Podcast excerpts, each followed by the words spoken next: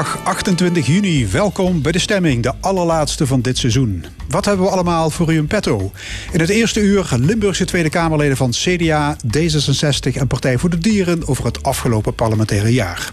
Over corona, de zorg, de economie, stikstof, persoonlijke ervaringen en nog veel meer. En in het tweede deel filosoof Chris Pint. Hij schreef een boek over de wisselwerking tussen het weer en onze innerlijke atmosfeer. Onze analist duurzaamheid Joop de Kraker die gaat het hebben over de plannen voor meer zon- en windenergie. De column van Nina Bokke en het panel discussieert over actuele zaken. Tot één uur is dit De Stemming. Aan de vooravond van de zomervakanties is het een goed gebruik in de stemming om eens terug te blikken op het voorbije politieke half jaar. Nog net voordat de Tweede Kamer met reces gaat, hebben we drie Limburgse Kamerleden uitgenodigd. En dat zijn Mustafa Amouche van het CDA, Rens Ramakers van D66 en Frank Wassenberg van de Partij voor de Dieren. Heren, welkom. Dank wel. Kun je het afgelopen jaar in tweeën hakken? De periode voor corona en de periode erna? Dat denk ik wel inderdaad. Voor corona, hadden, voor corona hadden we het inderdaad van hè, hoe gaan we Nederland verder brengen met uh, investeren in Nederland hè, voor het toekomstig verdienmodel. Hè, hoe gaan we onze zorgkosten be bekostigen naar de toekomst toe. En in één keer kwam inderdaad onverwacht, denk ik, de coronacrisis. Wat je toch een heel andere dag ligt. Hè, waar je echt in crisismanagement terechtkomt. Ja, toen lag ook alles plat. Hè. Er is amper vergaderd. Belangrijke dossiers die bleven liggen. Meneer Wassenberg, u zei een tijdje geleden hier aan tafel... het is allemaal niet bevorderlijk voor de democratie. Nee, want met die uh, coronawetgeving wordt natuurlijk het, het, het, parlement wordt een beetje op, uh, op achterstand gezet. Er is nou een spoedwet die eigenlijk de rol van het parlement een beetje uitkleedt. We moeten nog zien trouwens hoe die wet eruit gaat zien. Want en of die überhaupt doorgaat? Of die überhaupt doorgaat, want ook de Raad van State is heel erg kritisch. Dus ja, uh, laat ik zeggen, corona is niet erg heel goed voor het functioneren van de democratie. Omdat de coalitie toch heel veel macht naar zich toe trekt en in het kabinet samenbalt. En als Tweede Kamer zijn we daar niet zo blij ja, mee. De afgelopen drie maanden werd alles bepaald door het kabinet heeft de Tweede Kamer zich als controleur van de regering het kaas van het brood laten eten? Rens Nou, ik denk dat het er enerzijds ook een beetje bij hoort. Want je wilt, als er zo'n crisis is bij een pandemie, dan wil je ook een crisisaanpak. Dan wil je niet weken wachten met ingrijpen, maar dan wil je direct uh, die ingrepen doen die nodig zijn. Daar heb je ook een regering voor. Maar tegelijkertijd zijn er volgens mij ook ontzettend veel coronadebatten geweest. Waarin de Tweede Kamer ook heel veel vragen heeft kunnen stellen aan de regering. Er zijn ontzettend veel moties ingediend over corona. Bijvoorbeeld ook een motie van eh, D66, van Rob Jetten samen met eh, Kees van der Staaij. Van zorg er nou voor dat die Tweede Kamer ook veel meer betrokken wordt. Bijvoorbeeld uh, met zo'n coronawet. Alleen ook D66 vindt, om even te reageren op dat punt van de heer Wassenberg. Dat hoe de coronawet nu in elkaar zit, die spoedwet. Dat het absoluut nog niet goed genoeg is. Daar hebben ook wij heel veel kritiek op. Dus er moet een betere wet komen. Nee, maar ik herken dat. Kijk, eh, als een land, alle landen hebben dat gehad. En niemand heeft eh, corona besteld via bol.com. Dat is een crisis. En in een crisis moet je het kabinet laten eh, regeren, zeg ik even. En de, en de Kamer is te controleren. En ik vind de oplossing die gekozen is om in het begin wekelijkse coronadebat te houden. Later naar twee wekelijks, wat Rens ook zegt. Dan hou je toch die controlerende functie. Dus het functioneren van de Tweede Kamer, daar heeft u niks op aan te merken. Ja, niks op aan te merken. We zullen altijd achteraf moeten ook. Kijk, je moet nooit, als een, als een schip op, op storm zit, in de storm op zee. Dan beginnen over, hè, over wat goed gaat of niet. Laten we eerst uit de storm komen. En dadelijk komt er een moment dat we terug gaan kijken wat we daarvan kunnen leren. Was een ja, je, moet een beetje, je moet een beetje oppassen met die beeldspraak. Wat je zegt, het schip moet eerst uit de storm komen. En in het debat zei Hugo de Jonge... ja, je gaat aan de brandweer die een brand in het blussen is... ook niet vragen om papier in te vullen. Maar het is toch anders. Want juist op het moment dat je die crisisaanpak hebt... moet je als Kamer ook je controlerende taak hebben. En je moet dus gewoon inderdaad ook in een heel vroeg stadium al laten uitzoeken... wat gaat goed en wat gaat fout. Om in een vroeg stadium ook al les te kunnen trekken. En dan is het iets te makkelijk wat het kabinet zegt. Laat eerst de boel maar een beetje uitwoeden en dan gaan we controleren. Nee, dat moet eigenlijk vanaf dag één. En het is niet zo dat dat het hele ambtenarencircuit zeg maar lam legt. Er kunnen ambtenaren die al vragen kunnen beantwoorden. zijn ambtenaren die vragen kunnen beantwoorden. En ondertussen gaat de crisisaanpak door. Maar vanaf dag één moet je eigenlijk al kunnen controleren wat gaat goed en wat kan beter. Ik denk dat het makkelijk gaat. Iedereen, als iedereen kent de beelden toen we in de crisis kwamen. Het enige wat iedereen op zag was inderdaad hoe houden we de zorg, de mensen ook in de zorg kunnen we die beschermen. Ook de IC-bedden, dat was de hoogste prioriteit. En eh, wat Rens nogmaals zegt, daar was wekelijks debat over... om een stukje bij te sturen, om te kunnen sparren. Maar primair stond op om de, de, de levens van de mensen stonden voorop. De mensen in de zorg, die stonden voorop. En dan kun je echt niet gaan zeggen... Ja. de ministerie, die zaten echt allemaal... zaten ze hè, oh, zo ene kant economisch, aan de andere kant met de zorg volop bezig. Dan moet je niet inderdaad, ik gebruik toch die beeldspraak... midden in de storm gaan zeggen... maar, de, maar, de, maar als je ziet als je ziet dat er hele cruciale fouten zijn gemaakt, dan bijvoorbeeld in de verzorgingstehuizen, dat die mensen op een inhumane manier zijn afgesneden van al hun geliefden, van al hun bekenden, dat is nu wordt dat versoepeld. Maar dat had je natuurlijk veel eerder moeten doen. Maar dat was een... daarom komt er een groot onderzoek hè, naar dat het coronabeleid ja, van de regering. Dat, dat, is afgedwongen door de was, oppositie. Daar was de coalitie trouwens aanvankelijk ook tegen. Later zijn ze gelukkig gedraaid en dat onderzoek komt er. Maar dat is eigenlijk iets wat je vanaf dag één had moeten doen. Op het moment dat je dit soort maatregelen neemt, moet je meteen een beetje kunnen kijken wat het effect daarvan is. Daarmee had je heel erg veel ellende kunnen voorkomen. Graanmakers? Dat ligt genuanceerder, want er zou al onderzoek worden gedaan. Maar de oppositie vroeg om een nog groter onderzoek. Nou, uiteindelijk hebben we daar als coalitiepartij ook mee ingestemd. Maar om nog even terug te komen op het voorbeeld van de verpleeghuizen. Dat is inderdaad heel inhumaan dat um, ouderen in een verpleeghuis niet uh, bezoeken konden ontvangen. Maar ik denk ook wel dat het goed is om erop te wijzen dat er ontzettend veel doden zijn gevallen in die verpleeghuizen. En dat minister Hugo de Jong ook ja, geen andere keus had dan tijdelijk, hoe pijnlijk ook, die huizen te sluiten. Want anders waren er misschien nog veel meer doden gevallen. En misschien had dat nog wel eerder moeten, dat sluiten. Maar hier, hier blijkt inderdaad onzekerheid, want dan waren er misschien nog meer doden gevallen. En dat is wat je nu wil onderzoeken. Zeker als je ziet dat bijvoorbeeld het verzorgingspersoneel in die verpleeghuizen helemaal geen bescherming kreeg. En zelf misschien onbewust ook patiënten Kortom, er worden nog uh, harde noten gekraakt wellicht in dat onderzoeksrapport. Dat zal zeker gebeuren, ja. Er komt geen structurele loonsverhoging voor zorgpersoneel. Een motie van PvdA-SP kreeg geen meerderheid. D66 stemde ook tegen, Rens Jullie waren nog wel lof voor het fantastische werk van de Zeker. zorg. Zeker. En ik wou eigenlijk zeggen, er komt wel een loonsverhoging. Want uh, de cao's van het ziekenhuispersoneel... Uh, dit jaar plus 5%, volgend jaar plus 3%. Ambulancepersoneel uh, ook heel vitaal. Uh, idem dito, dus in totaal 8% loonstijging.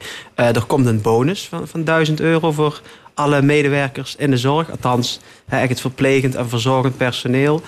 niet zozeer de artsen, um, want die verdienen in de regel al, al, al genoeg.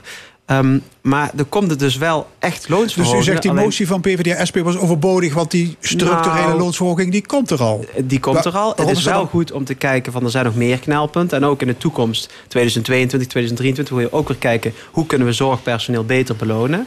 Uh, daar is overigens deze week ook een nieuwe motie van de coalitiepartijen over ingediend. Want dat moet je ook wel in samenspraak doen met, uh, ja, met de vakbonden, met de werkgevers. Het is niet zo dat de regering dat allemaal met één knopje regelt. Ja, Frank Wassenberg, het komt allemaal goed? Nee, het komt helemaal niet goed. De, het het uh, verzorgend personeel heeft echt een ongelofelijke prestatie geleverd. Ze worden heel erg onderbetaald. En die structurele, structurele loonsverhoging is ontzettend belangrijk. Zeker als je gaat kijken dat bijvoorbeeld het kabinet uh, bijna 700 miljoen stopt in sierteelt en een aardappelteelt. Om die door de sector heen, door de crisis heen te halen. En de mensen die het echt het werk gedaan hebben, die laat je in de steek. Er is echt een structurele loonsverhoging nodig. En de Partij voor Dieren heeft ook voor die motie gestemd. Ja, vier van de tien zorgmedewerkers medewerkers is van plan om onder werk te gaan zoeken. Dat, dat zijn heftige cijfers. Dat zijn heftige cijfers. Maar, dat zijn heftige cijfers, maar we laten echt niet de mensen in de zorg in de steek. Wat ook gezegd is, structureel is er begin dit jaar hè, al 1,1 miljard beschikbaar gesteld voor indexeringen. 5, zoveel en volgend jaar 3 procent. De 1000 euro netto die nu Hugo de Jonge toegekend heeft, kost ook al 800 miljoen. En ik vind dat we de waardering, of dat nou inderdaad de mensen in de zorg of in het onderwijs of onze dienders, de politie, ambulance medewerkers, dat kun je niet even in een motie doen. Het is tussen werkgevers, werknemers, maar we zullen er wel naar structureel naar de toekomst toe moeten kijken. Hoe kun je ook op andere terreinen, financieel is één, ja, dus maar ook het werk mooier maken voor de mensen in de zorg. Want die, die klagen ook vaak dat ze moeilijk eigen invulling kunnen geven, dat ze te veel te maken hebben met de hele bureaucratie eromheen, maar weinig met de patiënten.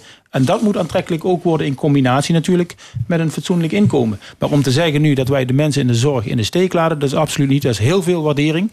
Ik heb er zelf eentje thuis, die werkt in het ziekenhuis. Die heeft dat van dichtbij meegemaakt. Hoe inderdaad iedereen, iedereen wordt ingezet, ook van andere afdelingen, om in die coronacrisis te helpen. Ze krijgen nu die bonus van uh, eh, 1000 euro. Dat is gerelateerd aan de corona. En laten we ook hier ja, maar die werkers voelen zich geschoffeerd door die... Door die nee, ze voelen zich niet geschoffeerd. Door die, door die premies. Ze zeggen klappen is mooi, maar lappen is beter. Ja, maar dan kom ik toch terug. De, de, de, werkers die willen één, financieel, maar ook inhoudelijk de baan aantrekkelijk maken. En laten we dat ook hier weer, na die coronacrisis, er komt een nieuwe periode aan. We gaan richting de verkiezingen aan. Dat we daar kijken, ook, hoe kun je dat werk nog beter waarderen op al die terreinen. En we laten niemand in de steek. Okay. Welke lessen kunnen we leren uit deze crisis? wat moet anders? Wat moet beter in de gezondheidszorg? Rens Raamakers, D66. Structureel meer intensive care bedden bijvoorbeeld? Dat is één van de dingen uh, waar je echt naar moet kijken. Hoe ga je dat, uh, hoe ga je dat doen? Maar een ander voorbeeld dat ik zeker zou willen noemen is uh, zinnige zorg. welke zorg helpt de patiënt nu echt? En in de coronaperiode is ook al gebleken dat heel veel zorgvormen natuurlijk wegvallen, waarvan het eigenlijk voor de patiënt niet schadelijk is. Een voorbeeld is bijvoorbeeld het bezoek aan de poli. Als je een operatie hebt gehad of een andere ingreep en je gaat een maand later of twee maanden later bezoek je de poli en heb je een gesprek met de arts van hoe gaat het, blijkt dat in heel veel gevallen kun je dat ook met beeldbellen doen.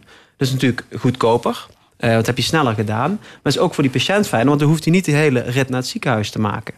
Um, daarnaast zijn er nog tal van andere zorgvormen waar uh, al heel lang onderzoek naar is gedaan, waarvan eigenlijk blijkt van die helpen de patiënt niet echt. Dus ik denk wel dat ja, de coronatijd ook wel um, ons lessen leert van welke zorg is nou echt nuttig voor de patiënt en welke zorg misschien niet, zodat we ook uiteindelijk meer ruimte hebben om bijvoorbeeld extra IC-bedden ja, te Dat zegt ook de Nederlandse Zorgautoriteit, hè, NZA, deze week in een rapport. We moeten stoppen met onzinnige zorg, met medische behandelingen die niet werken, met het vele huisartsenbezoek. Dat is wat u nou, in sommige voorbeelden zou je ook de huisarts juist een grotere rol uh, kunnen gaan geven. Want ik vind het wel belangrijk dat als mensen klachten denken te hebben, dat ze heel laagdrempelig bij de huisarts terecht kunnen. Want dat voorkomt juist weer uh, problemen later. Maar als ik bijvoorbeeld één concreet voorbeeld mag noemen, is het knippen van de amandelen bij kinderen bij chronische luchtinfecties, uh, luchtweginfecties. Dan wordt er heel vaak gedacht van oké, okay, knip de amandelen maar weg, dan is het probleem opgelost. Nu is er onderzoek gedaan dat als je dat niet doet, en die kinderen daar even een paar maanden mee laat lopen, dat de klacht ook heel vaak vanzelf verdwijnt. En dat is beter voor de kinderen, want dan hebben ze geen operatie. En het spaart 3 miljoen zorgkosten. Ja, dat doet aan die uitspraak van de bestuursvoorzitter van die NZA die ik net noemde. De zorg is te veel een verdienmodel geworden. Mensen worden geprikkeld om productie te draaien. Is dat eigenlijk een ongelofelijke uitspraak? Uh, aan de ene kant is dat inderdaad uh, een, een, een, een, vreemde uitspraak, maar je ziet het wel gebeuren. Kijk, uh, we hebben nu bijvoorbeeld in de coronacrisis, hebben, iedereen is gefocust op de coronapatiënten. We hebben, ik zeg, mijn vrouw werkt in het ziekenhuis, er zijn heel veel poliebehandelingen allemaal uitgesteld. Die moeten nu allemaal ingehaald worden. Zelfs mijn dochter, die is nu, hè, die mag daar mee gaan helpen. Die moeten per dag 100 mensen bellen om vragen: heeft u coronaklachten? Die moeten allemaal ingehaald ja, worden. Het aantal verwijzingen via de huisarts is met 800.000 gedaald tijdens deze crisis. Ja, maar, maar daar kom je, daar kom je op, een, op een ander punt. Eerst het andere punt. Dus die zorg moet wel ingehaald worden. Want er zijn mensen die durfden niet te komen. Die moesten kiezen. Kom ik nu voor mijn hartklachten naar het ziekenhuis? Of word ik getroffen dadelijk door corona? Dat was heel emotioneel om die mensen wel toch te komen. Terwijl ze op afstand kunnen zien dat het, niet, hè, dat, dat het hart niet goed functioneert. Dan komen we op een ander punt naar de, naar de huisarts. Ja, daar is natuurlijk, er zal ook onderzoek naar gedaan moeten worden. Eh, komt dat doordat mensen heel veel thuis zitten, minder inspanning hebben? Want ook het aantal hartpatiënten was gedaald op de polies. Komt dat nou dat mensen thuis zitten, weinig activiteit? Of komt dat door andere redenen? Maar waar ik het, eh, terug wil, inderdaad, de onnodige zorg, daar zullen we inderdaad ook moeten kijken. De zorguitgaven zijn 80 miljard. Ik heb even nagekeken, 2016 was dat nog 72 miljard. Dus ongeveer 10% stijging in nog geen vier jaar. En dat kunnen we niet met z'n allen blijven volhouden. Als we niet ook, hè, want het zal toch allemaal opge moeten worden door premies en door een goede draaiende economie met belastingen. Dus we zullen daar echt keuzes in moeten gaan maken. Frank Wassenberg, Partij voor de Dieren. Nou kijk, van die uh, nutteloze zorg noem ik het maar even, daar moeten we natuurlijk vanaf. Ik bedoel, je hebt zoiets als etalagebenen, dat wordt gedotterd, terwijl je ook met, met voeding en met, met looptherapie kun je dat probleem ook tackelen. Dus dat is onzin om mensen daarvoor te opereren. Maar ik denk dat het verder gaat. Ik bedoel, onnodige kosten wil niemand uitgeven. Maar ik denk dat een van de lessen is die we uit die coronacrisis moeten trekken, is dat we ook veel meer dan nu inzetten op preventie. Zorg dat mensen via gezondheid gezonde voeding en zo een gezonder leven leiden. Daarmee voorkom je geen coronabesmettingen. Je voorkomt zelf ook geen coronadoden. Dat zal helaas zo blijven. Maar je zorgt wel dat mensen in een betere conditie zijn. En hoe beter je conditie is, hoe gezonder je bent... hoe minder grote kans is dat je ernstige effecten overhoudt... en dat je misschien overlijdt. Nogmaals, het aantal doden zal blijven door corona. Het is een ernstige ziekte. Maar je kunt echt heel veel doen om te zorgen dat mensen gezonder blijven. Je zou een suikertax in kunnen stellen. Je zou een tax op ongezond eten, op vlees kunnen instellen. Maar het kabinet heeft juist de gezonde zaken, zoals groente en fruit, in BTW verhoogd. Dus het is duurder geworden. Dus als je mensen helpt via fiscale prikkels, uh, zeg maar via lagere belastingen, door gezond te leven, daarmee kun je heel erg veel winnen. En een tweede les die we uit corona moeten trekken, is dat we echt op een andere manier met dieren moeten omgaan. RIVM en allerlei uh, wetenschappelijke instituten zeggen... drie kwart van de infectieziekten, de besmettelijke ziekten van tegenwoordig... komen uit de veehouderij, uit de omgang met dieren, van wildmarkten. Je zag het met Q-koorts in Nederland een aantal jaar geleden. Je ziet het nu in Wuhan met die dierenmarkt. Dat heeft allemaal te maken door, met onze omgang met dieren. Door de ontbossing komen dieren eerder in contact met mensen. Daar komen heel veel infecties uit. Dus als we dit soort grote en gevaarlijke infectieziekten willen voorkomen... helemaal voorkomen kun je niet, maar je kunt de risico's wel terugbrengen. Dan zul je echt anders moeten omgaan met dieren. En in Nederland geldt anders moeten omgaan met de dieren in de vee-industrie. Wie wil erop reageren?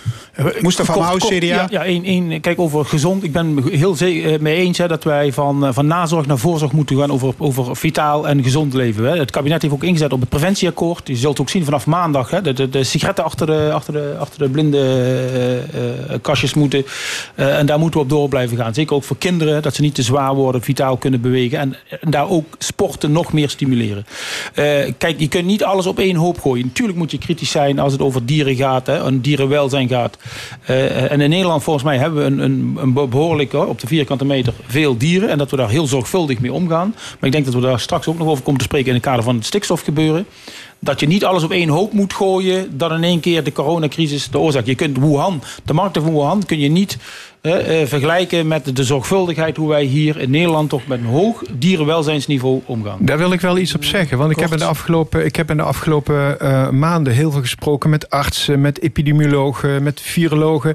En ze zeiden allemaal: we hebben in Nederland een grote potentiële tijdbom. Want we hebben heel erg veel dieren die kunnen ziekte overdragen, heel veel dieren op elkaar vergroot de kans op besmettelijke ziektes. Zeker als die overdraagbaar zijn naar, naar mensen. Dus we, we leven op een tijdbom en we moeten er echt heel erg mee oppassen. Q-koorts, maar we hebben MRSA gehad, we hebben hepatitis, we hebben listeria. Elk jaar vallen er echt meer dan tien doden door de omgang uh, met dieren en door allerlei besmettelijke ziektes vanuit de dierhouderij. Op dit punt wil ik me wel aansluiten bij Frank Wassenberg als het gaat over Q-koorts. Ik heb het Kamerdebat daarover gevoerd over de compensatieregeling. Daar zijn gewoon 97 doden gevallen door Q-koorts en ja.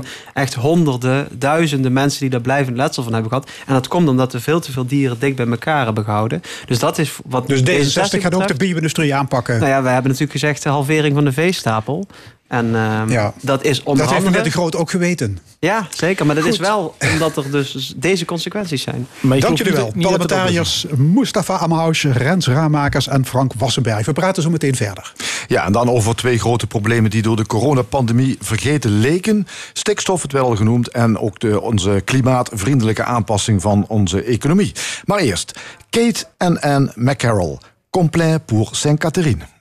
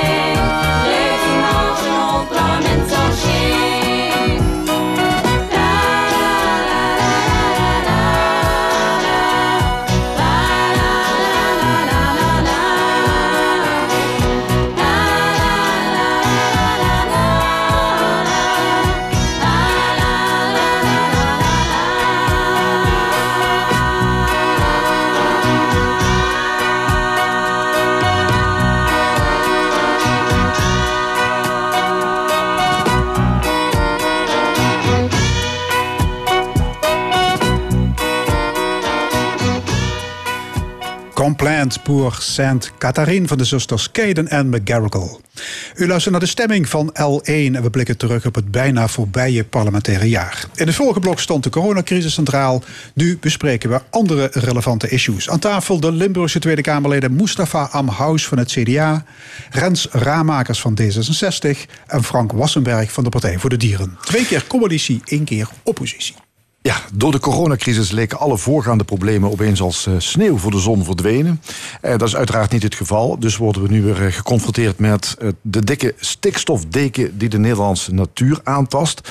Hoe ernstig is de situatie eigenlijk? Frank Wassenberg, Partij voor de Dieren. Die is heel ernstig en die loopt ook al heel lang. Het was volgens mij 1973 dat Wim Kan in, een van zijn conferences of de, de, de eindejaarsconferentie zei... vroeger was het tot de dood ons scheidt, nu is het tot de scheid ons dood. 50 jaar geleden was het probleem dus al echt heel actueel. In de jaren 70 is er steeds meer over bekend ge- geworden. En je ziet nu dat met name de veehouderij stoot zoveel ammoniak uit dat er echt een onzichtbare deken over de hele natuur komt. Een stikstofdeken. Nou, wat is het probleem daarvan? Stikstof wordt door een aantal planten optimaal gebruikt. Brandnetels, bramen, die alles kunnen gaan overwoekeren. En wat je dus ziet is dat steeds meer zeldzame natuur verdwijnt. Steeds meer bramen en brandnetelen komen daarvoor in de plaats. Ja, en de natuur in Nederland heeft ongelooflijk te lijden onder de verstedelijking, onder het gifgebruik in de landbouw. Ja, dit moet er niet bovenop komen. En dit is dus al tientallen jaren gaande. Dus het is een gigantisch groot probleem. Mark Rutte noemde dat ook nog voordat corona kwam. Het grootste probleem, het grootste crisis uit zijn politieke loopbaan. Nou, twee maanden daarna kwam de coronacrisis. Maar het is echt een gigantisch probleem. En een probleem dat ook veel langer zal duren. En dat veel langer oplossingstijd zal vragen dan die coronacrisis. Ja, je, bent eh, bioloog, hè? dat is eh, ook door de, de woorden heen te horen. Is het probleem van die stikstofdeken, is dat minder geworden door de coronacrisis? Want er is minder verkeer, dus ehm, ja, misschien ook wel minder productie op, op andere plekken, fabrieken of zo. Ik denk dat dat van tijdelijke aard is, want dat dat het een groot probleem is, dat herken ik. Maar dat is een groot probleem aan twee kanten. Eén, iedereen wil natuur, hè, groen om zich heen. Daar moeten we wel goed over hebben. Nederland is een postzegelland met 100, volgens mij een klein 170 eh, natuurgebieden. Dat we ook onderscheid maken wat we inderdaad... 161. 161 hoor ik van mijn collega zeggen. Eh, wat echt de waardevolle natuur is die we echt moeten behouden en waar we zuinig moeten zijn. De Natura 2000. Maar het andere grote probleem is de ontwikkeling in de economie. Wij, wat ik net al zeg, we zullen toch samen met z'n allen in onze Nederlandse verzorgingsstaat geld op moeten brengen. Dat we die 80 miljard naar die zorg kunnen gaan. Ja. En dat is wel een probleem als we daar niet in kunnen door blijven ontwikkelen. Ja, het kabinet wil 3 miljard uittrekken voor het herstel van de natuur. En 2 miljard voor het opkopen van agrarische bedrijven die te veel stikstof uitstoten. Ehm, is dat een goed plan? Eh, in, Mustafa in, in de basis is dat een goed plan. Wat we nu ook eh, in, in die zin. hè, Je zult ook met een coalitie van vier een, een compromis moeten sluiten. Als het persoonlijk aan mij had gelegen, had ik ook nog wat meer middelen gezet in, in, in bronmaatregelen, in innovatie. Ik kom uit de innovatie, eh, uit het bedrijfsleven voordat ik eh, in de Kamer ging. Ik denk dat daar namelijk de ontwikkelmogelijkheden zijn. Dat we inderdaad de uitstoot gaan verminderen. En je kunt niet alleen maar zeggen de uitstoot gaan we alleen maar verminderen door alles te halveren. Dus je zult ook boerenbedrijven waar we trots op moeten zijn naar de toekomst toe ook ontwikkelingsmaatregelen moeten geven. Dus sommige uitkopen, maar voornamelijk hoe kan een jonge boer die een mooi bedrijf heeft, dat we die kunnen helpen dat die op innovatieve wijze zich kan doorontwikkelen. Ja, het CDA is er niet voor om al te rigoureus dus de boeren aan te pakken. Eh, aanpakken. Je zult aan moeten pakken op dat gebied. Dus op, op nieuwe, nieuwe technologie Ja. toepassen. Daar moet je ze op aanpassen. De- D66 wil de halvering van de veestapel. Daar hadden we het net ook al over. En Tjeerd de Groot is inderdaad ook eh, nou ja, veel genoemd en Ja. ook aangevallen. K- Kamerlid van voor zijn D66 plannen. die dat, eh, Precies, die kwam heel prominent in het nieuws kwam. toen. Ehm, maar wat hij wil is een ander soort ehm, eh, agrariër. Hij wil een, een kringlooplandbouw. En wat we de afgelopen decennia hebben gezien... is dat juist de kleine boeren het heel moeilijk hadden. Niet konden overleven. Dat de boerderijen steeds groter werden. Dat het steeds grotere megastallen werden. En dat is eigenlijk ook heel pervers. Want uiteindelijk ga je dat echt niet allemaal in Nederland opeten... wat er in die megastallen wordt geproduceerd. Nee, 80% exporteren we. Gaat weer heel vaak naar het buitenland. Dus wat Tjeerd de Groot, wat D66 wil, is van... ga terug naar die menselijke maat. Eh, zorg ervoor dat er een eerlijker prijs komt voor die boer... en ook een eerlijke prijs voor de consument. Maar even nog één ding over de urgentie van... waarom moeten we dit nou doen? Kijk bijvoorbeeld naar de woningmarkt. Op een gegeven moment mocht er van de Raad van State niks meer gebouwd worden. Terwijl er tienduizenden nou, honderdduizenden Nederlanders, eh, jonge mensen, mensen die willen doorstromen, zitten te wachten op een betaalbaar huis. En het is er gewoon niet. En als we aan het stikstofdossier niks doen, dan kunnen al die mensen nergens wonen. Waar moeten die dan heen? Ik wil nog één ding, ik wil nog één ding toevoegen. Als het om de Partij voor de Dieren, wat betreft de Partij voor Dieren, wij willen meer boeren, maar minder agro-ondernemers. En wat Rens net zei, met boeren kunnen alleen maar groter worden, anders vallen ze om, of de bank eh, wil de lening niet meer verstrekken. En die hele tendens is al decennia lang groter, groter, groter, meer, meer, meer, meer dieren, minder natuur. De Partij voor Dieren wil dat inderdaad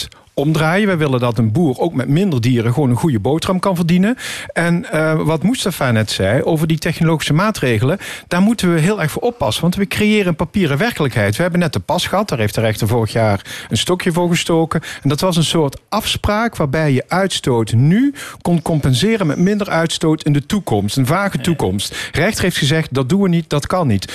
Met die technologische maatregelen klinkt heel goed. Op papier ziet het er goed uit, maar in de praktijk werkt het niet. niet. Want die technologische maatregelen zijn luchtwassers. Dat heet dan emissiearme stallen. Maar er is onderzoek geweest, ook door één vandaag. Dat blijkt dat die emissiearme stallen meer rotzooi de lucht instoten dan de traditionele stallen. Dus die technologische maatregelen werken niet. Wat we nu nodig hebben zijn maatregelen die ook juridisch houdbaar zijn om te voorkomen dat de rechter dadelijk weer een stokje ervoor gaat steken. Als we nu alleen maar fixeren op die technologische maatregelen, dan zal de rechter later zeggen: ja, maar als het niet werkt, dan kunnen we het niet doen. En dan, dan telt dat dus niet. Dus ik ben het eens met D66 en met Rens, die zeggen: we moeten minder dieren hebben. Dat is het enige waarvan aangetoond is dat het een goed effect heeft op de natuur. Mustafa Amous, Nee, CDA. maar, ja, maar hier slaat de, de, de Partij voor Dieren echt de plank mis. In die zin dat de, de technologie die wij in Nederland... Wij zijn koploper in de wereld op agro en food en al die dingen. Als de hele wereld zou produceren zoals Nederland produceert... hoe zuinig zij met energie omgaan... hoe zuinig zij met dierenwelzijn omgaan... dan zouden wij geen, volgens mij geen probleem in de wereld hebben. En om te zeggen dat technologie niet bijdraagt... en ik, ik ben met eens, elke maatregel die we moeten nemen... moet stand houden bij de rechter. We kunnen niet neer in een tweede pas discussie vallen. Daar, daar vinden we elkaar. Maar om nu te gaan zeggen dat we dat niet doen... wij zijn juist, met kennis zijn wij voorloper. Wij kunnen ook andere landen helpen op dit gebied. En als het over export gaat... het meeste wat wij produceren over circulair... je kunt zeggen circulair, dat houden we alleen maar in, in ons Limburg. Maar Limburg tussen België en Duitsland... wij voeden inderdaad ook de Duitsers met onze mooie groenten en fruit. Laten we daar naar buiten gaan en kijken wat we meer zien. Orchideeën of brandnetels. Ik ben bang het laatste. En dan zie je wat de effecten zijn op de natuur. De natuur kwijnt weg. En dat gebeurt al veel te lang. We moeten iets doen. Het enige wat helpt is de veehouderij fors reduceren. Om nog even terug te komen op wat, eh, wat Mustafa net zei. Eh, ik ben ook als eh, gemeenteraadslid veel op werkbezoek geweest bij agrariërs eh, in, mijn gemeente Leudal. En ik heb daar ook gezien dat er best wel veel boeren zijn die ook innovatieve zuiveringsinstallaties en zo gebruiken.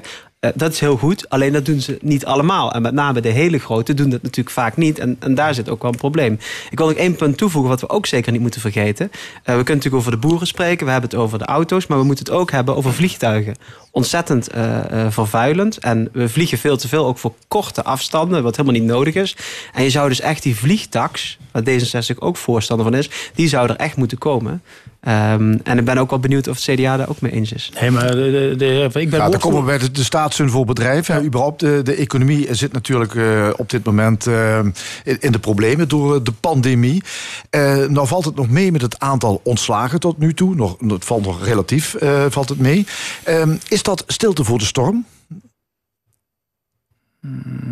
Hoe bedoelt u? Nou, krijgen we het komende half jaar misschien eh, te zien dat veel bedrijven alsnog in de problemen komen. Ik- ik- als de steun wegvalt van de Rijksoverheid? Ik, ik, ik denk dat dat, is inherent. Dat komt namelijk, ik ben zelf woordvoerder MKB voor, eh, voor, voor het CDA, maar ook woordvoerder luchtvaart, daar kom ik dadelijk op terug. Ik denk als je ziet dat de recessie, dat dit min 6% wat op ons afkomt. En ik zie nu inderdaad perspectief voor veel bedrijven als je kijkt naar de, de detailhandel, de winkels. Hè, nu gelukkig ook de busbedrijven mogen, maar dat die nog steeds veel minder omzet gaan draaien. Maar ik heb het ook over de maakindustrie. En daar, daar, daar zit een addertje onder het gras. Die hoor je niet. Maar als je ziet wat de combinatie, de corona, maar ook de, de, de, de wereldhandel, bijvoorbeeld auto's in Duitsland, Mercedes vorige week, die gaan er tienduizenden mensen uitdoen.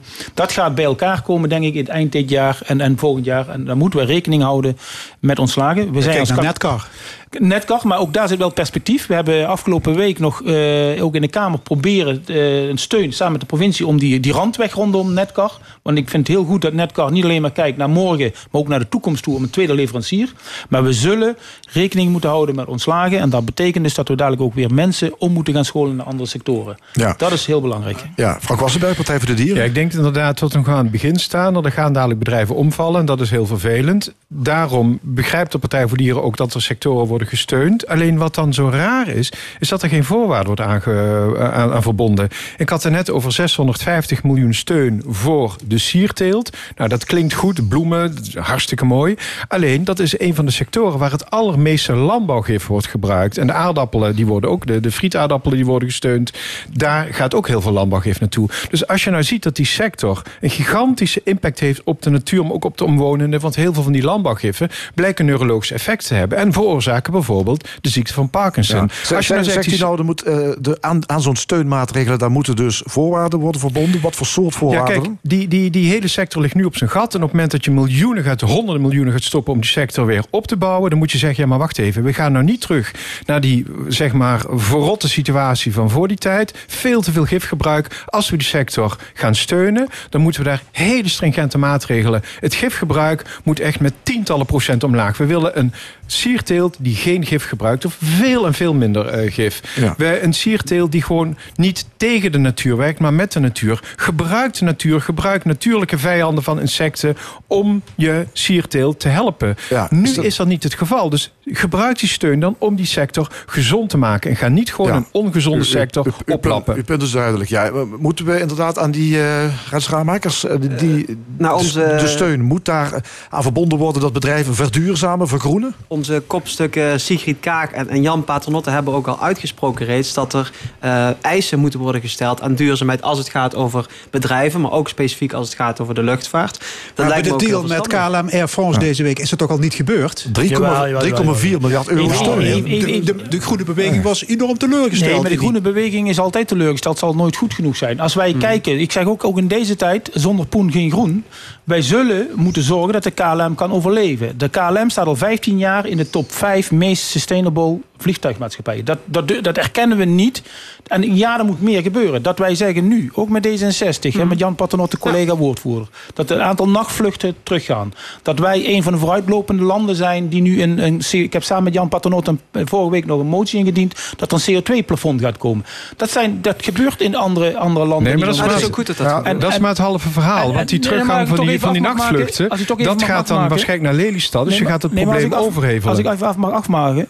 Het punt is, wij zijn als politiek gewoon erbij. Niet alleen maar in de coronacrisis. Ten alle tijden dat wij duurzaamheidsmaatregelen nemen. Dan moet je niet alleen nu in één keer een bedrijf pakken. één bedrijf in een mondiaal probleem. Want wij pakken nu KLM aan.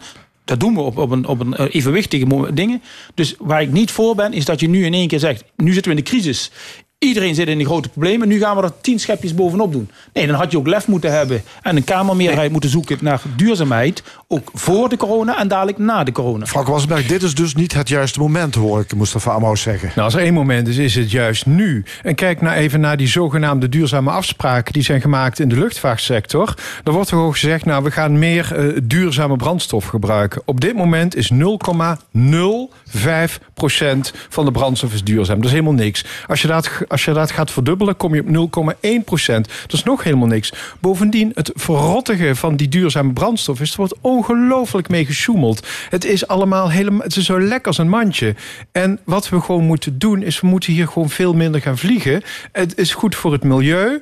En we moeten de prijzen van de mensen die wel willen vliegen... Ja, die zullen er gewoon wat meer voor moeten betalen. Nou, bijvoorbeeld zo'n zo'n zo'n vliegtax... dat zou een, eh, een, oplossing zijn. die is door de Een andere- aangenomen? Een andere, een andere oplossing, een andere oplossing is... nu wordt de luchtvaartsector ongelooflijk gesubsidieerd... indirect door bijvoorbeeld kerosine, de brandstof... om daar geen btw op te heffen. Eh, vliegtuigtickets hebben geen btw. Zorg nou dat je die gelden pompt in het treinverkeer. Zorg nou dat op het moment dat iemand naar Praag wil, veel beter en goedkoper de trein kan pakken in plaats van het vliegtuig. En daar gebeurt nog veel, heel erg onvoldoende aan. Als- daar ben ik bij mee eens. Ik- we hebben-? Ja, we hebben vorige week nog het debat gehad te Mirt. En ik ben eh, hard voorstander ook met de SP-Kamerlid laat zien... over de doortrekken van de Intercity Den Haag naar, naar Aken toe. En ik, ik snap niet dat dat inderdaad... Ik zeg al vaker, als Aken 18 kilometer aan de andere kant van de grens had gelegen... dan was het al geweest. Maar gelukkig komt nu de druk, wordt hoger. De NS heeft nu zelf een voorstel gedaan, die waren eerst tegen... om dat te doen, dus daar ben ik het mee eens. Maar we moeten niet de illusie hebben dat dat allemaal gaat... eh, eh, eh, dat je die substitutie helemaal kunt doen.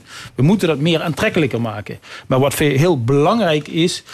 hou ook rekening mee dat wij... we hebben hele duurzame bedrijven. In, als je het bekijkt in Europees of wereldperspectief... hebben wij mooie bedrijven. Die moeten we niet de nek omdraaien. Maar niet in de luchtvaart. En, en, ja, ook in de luchtvaart. De KLM is een van de meest duurzame. En als wij de kerosinetax, hebben we ook mijn collega Paternotte... in Europa kunnen doen, de CDA direct voorstander. Vliegtax hebben we deze periode al in. Maar we zijn ook voor synthetische kerosine... want dat is de grootste duurzame brandstof... die dadelijk vanaf 2030 Maar gaat dat, lopen. dat argument van we kunnen het alleen maar D66. doen als we het in heel Europa doen, dan moet je vaak ook heel lang wachten. En ik vind ook wel dat je als Nederland soms juist voorop kunt lopen. Ik zeggen, dit gaan wij als eerste doen. En dan gaat de rest ook volgen. Dus ik vind dat altijd een, een beetje een argument dat ik denk van ja. Maar moet wel concurrerend. Ik ben het met je eens, maar moet wel concurrerend zijn. Ja. als, als we dadelijk geen KLM hebben, dan, dan zullen de anderen niet Ja. het initiatief nemen. Is dat denkbaar in Nederland zonder KLM, Frank Wassenberg? Ja, dat is wel zeker denkbaar. We hadden vroeger ook Fokker. En Nederland zonder Fokker zou ook on, eh, ondenkbaar zijn. Nou, Fokker bestaat niet meer. Er zijn heel veel bedrijven. Nederland heeft in de afgelopen jaren echt vele miljarden gepompt in allerlei bedrijven om ze overeind te houden. Dan zijn ze uiteindelijk toch omgevallen of het geld is verkeerd terechtgekomen. Ik bedoel, eh, wat, op het- wat ons betreft hoeft KLM niet failliet te gaan. Maar zorg dat het bedrijf nu echt eh, verduurzaamt. En niet in een of andere fictieve maatregelen met een heel klein beetje meer duurzame brandstoffen. die uiteindelijk helemaal niet duurzaam blijken te zijn. Oké. We praten zo meteen eh, verder eh, met eh, Mustafa Amous, CDA, Rens Ramakers D66 en Frank Wassenberg van de Partij voor de Dieren. Hier is Bobby Womack, California Dreaming. All the leaves are brown and the sky is gray. I went for a walk on a winter's day. I'd be saving warm if I was in LA. California dreaming on such a winter's day. Went to a church yesterday. I stopped along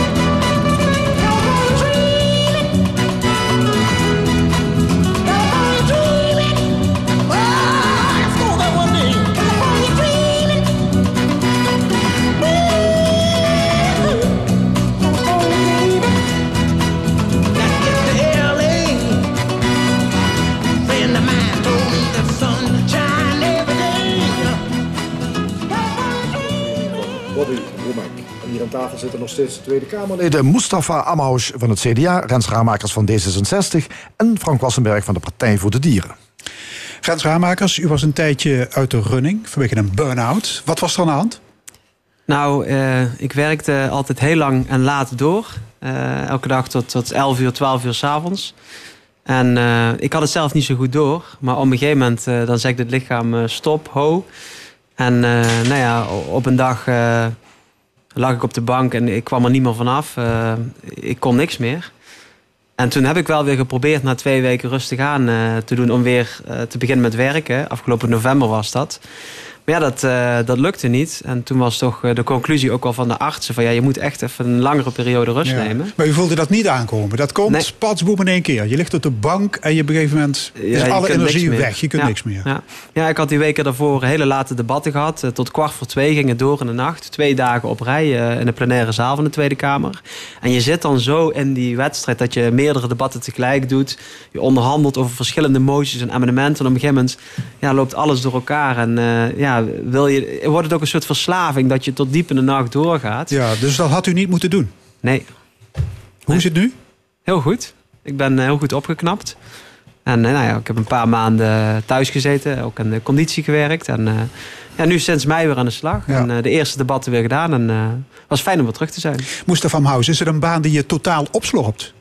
Eh, wat ik wel herken is, eh, eh, we hebben drie kamerdagen. Dan denken mensen, oh, je hoeft maar drie dagen in de week te werken. Maar je staat continu aan. Omdat je namelijk bezig bent met wat in die week plaatsvindt. En debatten. Je, je denkt alweer de week daarna wat er gaat komen. Je bent in gesprek in je portefeuille met, voor mij is dat dan veel ondernemers. Of, of afstemming in de coalitie. Dus je staat wel continu aan. En ik denk dat het heel belangrijk is. De nachtrust is heel belangrijk. En, en zelf probeer ik altijd ook de uitdaging in sport. Ik ben zelf meer gaan sporten. Rennen, crossfitten. Dat is wel heel belangrijk, die geest en lichaam in balans te brengen. En, en, en dat is iets wat we echt eh, met, met z'n allen echt in de gaten moeten houden. Eh, dat we, eh, ja, belangrijk, die, die vitaliteit in dit werk is zeer belangrijk. Je zit veel, zeker in zo'n coronatijd weer, ook eten. Dus het is niet alleen maar het politieke werk, maar het lichaam hoort er wel bij en de geest, dat je die in balans houdt. Frank Wassenberg, hoe hou je de, de burn-out buiten de deur? Ja, dat is, dat is moeilijk. Ik herken het ook. Eh, als Partij voor Dieren, ik, ik ben vier dagen per week in eh, Den Haag. Ik bedoel, de Kamer vergadert van dinsdag tot en met donderdag. Ik ben er maandag ook al en heb ik vaak eh, gesprekken met, met, met mensen die naar ons komen naar Den Haag. Maar je maakt echt werkweken van, van 70, 80 uur soms. Wat ik heel erg belangrijk vind, is proberen alles samen te ballen in die vier, vijf dagen dat ik in Den Haag ben. Dan begin ik vaak om acht uur s ochtends. En dan ga ik vaak soms tot negen of tien uur s avonds ook door. Alleen al op de fractie. En dan thuis lees je nog wat stukken. Maar dan wil ik wel proberen om, als ik hier in het weekend, om er dan voor mijn gezin te zijn. En daarom vind ik het wel heel belangrijk om in Limburg te wonen. Dus door de week woon en werk ik in Den Haag. Maar dan kom ik donderdagavond of vrijdagochtend kom ik dan terug. Dan werk ik ook. Dan zit ik op mijn werkkamer of in de woonkamer soms met mijn laptop op. Maar ik probeer er dan wel een heel klein beetje te zijn. En ik probeer ook voor te koken voor mijn gezin. Ik probeer dan echt Den Haag een heel klein beetje buiten de deur te houden. Ik ben bereikbaar. Ook dan sta ik 24 uur per dag aan. Maar ik probeer op die manier een beetje zeg maar privé en werk te Ja, kunnen want het is combineren. gewoon een zware, een zware job. En dan krijg je ook nog op je lazen van de Raad van State. Die kwam vorige week Ja. met een ongevraagd advies. Kort samengevat, er is bij Kamerleden te veel scoringsdrift en incidentenpolitiek. Wie trekt het boetekleed aan? Ammerhuis, ja, ik, ik, ik denk wel, hè, eh, Pieter Omzicht heeft dat ook gezegd, daar komen straks misschien wel terug op. Hè, van inderdaad, elke dag staat er wel iets nieuws in de krant. En, en volgens mij is het aan de politiek één een belangrijk controlerende taak van de regering. Eh, ook vooruitkijken, agenderend zijn, want het kabinet moet regeren. Maar ik, ik herken wel dat we soms te kort op de bal zitten als het gaat inderdaad over incidentenpolitiek. Wat, Natuurlijk, morgen, als, als de krant van morgen alles bepaalt, ja, dan zijn we volgens mij niet, niet goed bezig. Nie- neem niet weg dat de journalistiek natuurlijk hele belangrijke dingen doet om ons werk te laten Mustafa, functioneren. je slaat de spijker op de kop, maar je trekt de verkeerde conclusie. Want er staan inderdaad dingen in de krant. Maar wat de Raad van State ook zegt is... de Kamer wordt onvoldoende geïnformeerd. En de ambtenaren hebben als belangrijkste taak om de minister te ontzien. Vaak staan er dingen in de krant die niet alleen een incident zijn... maar die iets vertellen over het beleid van de minister. Ja, maar ik heb begrepen dat jullie worden overladen met papier door de Ja, dat vind ministers. ik ook wel. Ja. Dat de postvakken En uitpuilen. dat, dat merkte ik al toen ik in de provinciale staten zat. Dan wist je op het moment dat er gevoelige informatie informatie was, dan kreeg je dat. Maar dan deed toen gedeputeerde staten, nu doet de minister dat. Hier heb je naald en ik stort er een hooiberg aan papier overheen. Zoek hem maar uit. En op het moment dat jij een bepaald document zoekt... En, en je krijgt één document van vier pagina's... en daar staat het allemaal in, dan heb je het snel gevonden. Maar wat er dan gebeurt, is dat document van vier pagina's krijg je wel... maar er worden 10.000 andere pagina's omheen ge- ge- ge- gestort... en probeer dan die vier relevante pagina's maar eens uit te halen... met je één of anderhalve medewerker die je als Kamerlid hebt. Raammakers? Ja, als het gaat over informatievoorziening, dan worden wij inderdaad echt overladen met informatie. Bij het gemiddelde commissiedebat wat we hebben nou staan er zoveel stukken. Die krijg je niet eens eh, gelezen in een week tijd eh, meestal. Maar ik denk dat het probleem wat de Raad van State benoemt ook wel is dat ministers heel vaak worden aangesproken op dingen die bijvoorbeeld een zelfstandig bestuursorgaan fout heeft gedaan. Of een gemeente. Of een bestuur van een ziekenhuis. Dan gaat er ergens wat gloeiend mis. En dan krijgt de minister daarvan als stelselverantwoordelijke de schuld. En ehm, kijk, het is natuurlijk goed om dan een debat te voeren met de minister van... joh, hoe hadden we dit kunnen voorkomen? Eh, kunnen we een soort eh, eh, early warning system in het leven roepen... als er ergens bij een instelling of een gemeente wat misgaat? Maar om dan te zeggen van de minister moet aftreden omdat ergens in het land een zelfstandig orgaan een fout heeft gemaakt. ja, dat is wat Nee, soms ik vind ook gebeurt. belangrijk dat we wel ook de, de hand aan eigen boezem moeten steken als Kamerleden. Als ik zie ook in de Kamer hoeveel vragen er gesteld worden, keer op keer op hetzelfde. En, en, en dat is niet. Tuurlijk krijg je informatie en, en te veel informatie wil je die anders hebben. Maar de, de korte termijn politiek, ook vanuit het Kamerleden, ik denk dat ook een stukje hand in eigen boezem mag steken. En dat wij ook. Maar dan is bestuur- Pieter Omtzigt wel een goeie met vragen stellen. Want Nee, die stelt er ook wel heel ja, veel. maar, ja, maar dat is afhankelijk van waar. Kijk, als het echt over onderzoek gaat Ja. of over dingen, dan zit je er iets anders in. Maar Hmm. wij doen dat in de breedte. Ook met een aantal moties. Hè, de, Kamervoorzitter heeft genoemd. Dat zijn er duizenden op een jaar. Hè. Dus een beetje hand in eigen boezem voor ons als Kamerleden. eh, Ah, dat- ik, ik dat wil er ook ik wil er iets over zeggen. Want je ziet wel dat die zogenaamde incidenten echt iets over het beleid vertellen. Ik heb toevallig afgelopen week vragen gesteld over de illegale hondenhandel. Dat was een uitzending van Nieuwsuur. Ik zeg, ja, illegale hondenhandel, daar heb je Wassenberg weer. Maar het blijkt dat dat in Nederland nauwelijks opgespoord, laat staan vervolgd wordt. Terwijl het jaren geleden al is toegezegd. Maar de inspectie is uitgekleed. Dit zijn dan de gevolgen. En er zijn gewoon tienduizenden dieren het slachtoffer van. En uiteindelijk ook mensen die gewoon een hond kopen die heel snel ziek is, die niet de juiste papier heeft. Dan kun je zeggen, oh, hij reageert op een incident. Je kunt ook zeggen, hij reageert op het stelselmatig jarenlang uitkleden van de inspectie. En het feit dat dit wel elke keer toegezegd wordt door de minister, eh, minister Schout van Landbouw in dit geval. Ik ga er iets aan doen, maar het gebeurt niet. Dus de vraag is dan, is het een incident of is het structureels? Ik denk dat dit een hele iets dieper eh, onderliggends blootlegt. Namelijk dat er gewoon echt veel te veel is bezuinigd op de tot, inspectiedienst. tot, tot slot wil ik jullie met jullie al vooruitkijken naar de nieuwe verkiezingen hè, voor de Tweede Kamer. Die gaan eraan komen volgend jaar, eh, voorjaar. De kandidaat-lijsttrekkers die melden zich de afgelopen dagen. We hebben het eh, natuurlijk bij het CDA gezien, Frank Wassenberg. Hoe zit het bij de Partij voor de Dieren? Krijgen we daar ook nog een, een strijd? Of is Esther Ouwehand al eh, zeker van... eh, Die is, ja, Volgens mij zijn er geen, geen tegenkandidaten. En Esther heeft het, is natuurlijk het Kamerlid met, met nou, een van de, de langzittende Kamerleden. Als heeft ongelooflijk veel ervaring op de dossiers die voor Ja. ons heel belangrijk zijn. Dat is toch opmerkelijk hè, dat er geen tegenkandidaten zijn. Als je kijkt wat er al- allemaal los is in de fractie en de partij eh, de afgelopen tijd. Hè. Ruzie tussen Marianne Thieme en Esther Ou- Ouwehand. Ja, Femke dat- Merel van Koten die de fractie Ja. verlaat. De partijvoorzitter die moet opsta- opstappen. Je denkt, dit is toch een en al geruzie binnen de Partij voor de Dieren. Nee, dat valt eigenlijk heel erg mee. In de Oh ja? fractie al, eh, al helemaal niet. Eh, we hebben nu vier Kamerleden. Esther, eh, Lammert, Eva en ik. En eigenlijk zijn alle andere Kamerleden, behalve Esther, zeggen... nou, Esther heeft het geweldig gedaan de afgelopen half jaar. En er is niemand die het zo goed zou kunnen doen als Esther. Dus daar is verder geen, geen interne strijd. En we hebben inderdaad onze problemen gehad met, eh, met de voorzitter. En je ziet, dat is nu een, een half jaar geleden opgelost. Het loopt gewoon zoals het gaat. Eh, er is inspraak van de leden, ook bij de congressen. Ja, nu in, in coronatijd is het allemaal wat, eh, wat moeilijker. Maar het loopt gelukkig weer zoals het, zoals het moet lopen. En ja, wat dat betreft is er echt geen enkele discussie... of Esther de ideale lijsttrekker is. Ja, dat is ze. Ja, nou, opmerkelijk eh, dat het zo eh, snel eh, allemaal weer pais en vree is bij de Partij voor de Dieren. Gelukkig Als je wel. kijkt wat er allemaal gebeurd is. Ja. Ja. Is, nee, is er de is- procedure al gesloten? Of? Volgens mij, ja. Want nee, je zegt, ze- zeg ze- nooit nooit. CDA ze- zeggen we altijd nooit, zeg nooit nooit. hè? Ja, nee, ik, eh, Ja, bij, nee, bij de- het CDA hebben we vier we hebben lijsttrekkers. geen in elk geval. Wie, wie, wie is uw eh, favoriet? Nee, we hebben geen vier lijsttrekkers. Gelukkig sorry, niet. sorry, vier kandidaten. Potentiële Ja. kandidaten, want dan Ja. anders eh Ja. eh, zouden niet... nee, wij- wie, is uw, wie heeft uw voorkeur? Ja, ik, ik, we hadden in, in de aanloop zag je de discussie tussen Wopke Hoekstra, Hugo de Jonge en Mona Keizer. Eh, en eh, toen Wopke zich terugtrok en eh, Hugo de Jonge zich kandidaat stelde, heb ik getwitterd. Viva Hugo. Want ik vond hem dat Hugo eh, op zich als, als vicepremier, maar ook in deze crisismanagement heel goed doet. En we hebben iemand ook nodig die past bij een bepaald programma. We hadden het zij en zij eh, stuk gemaakt, hè, wat ook op het congres is aangenomen, dat dat een goede match is. Maar nu heb je er vier.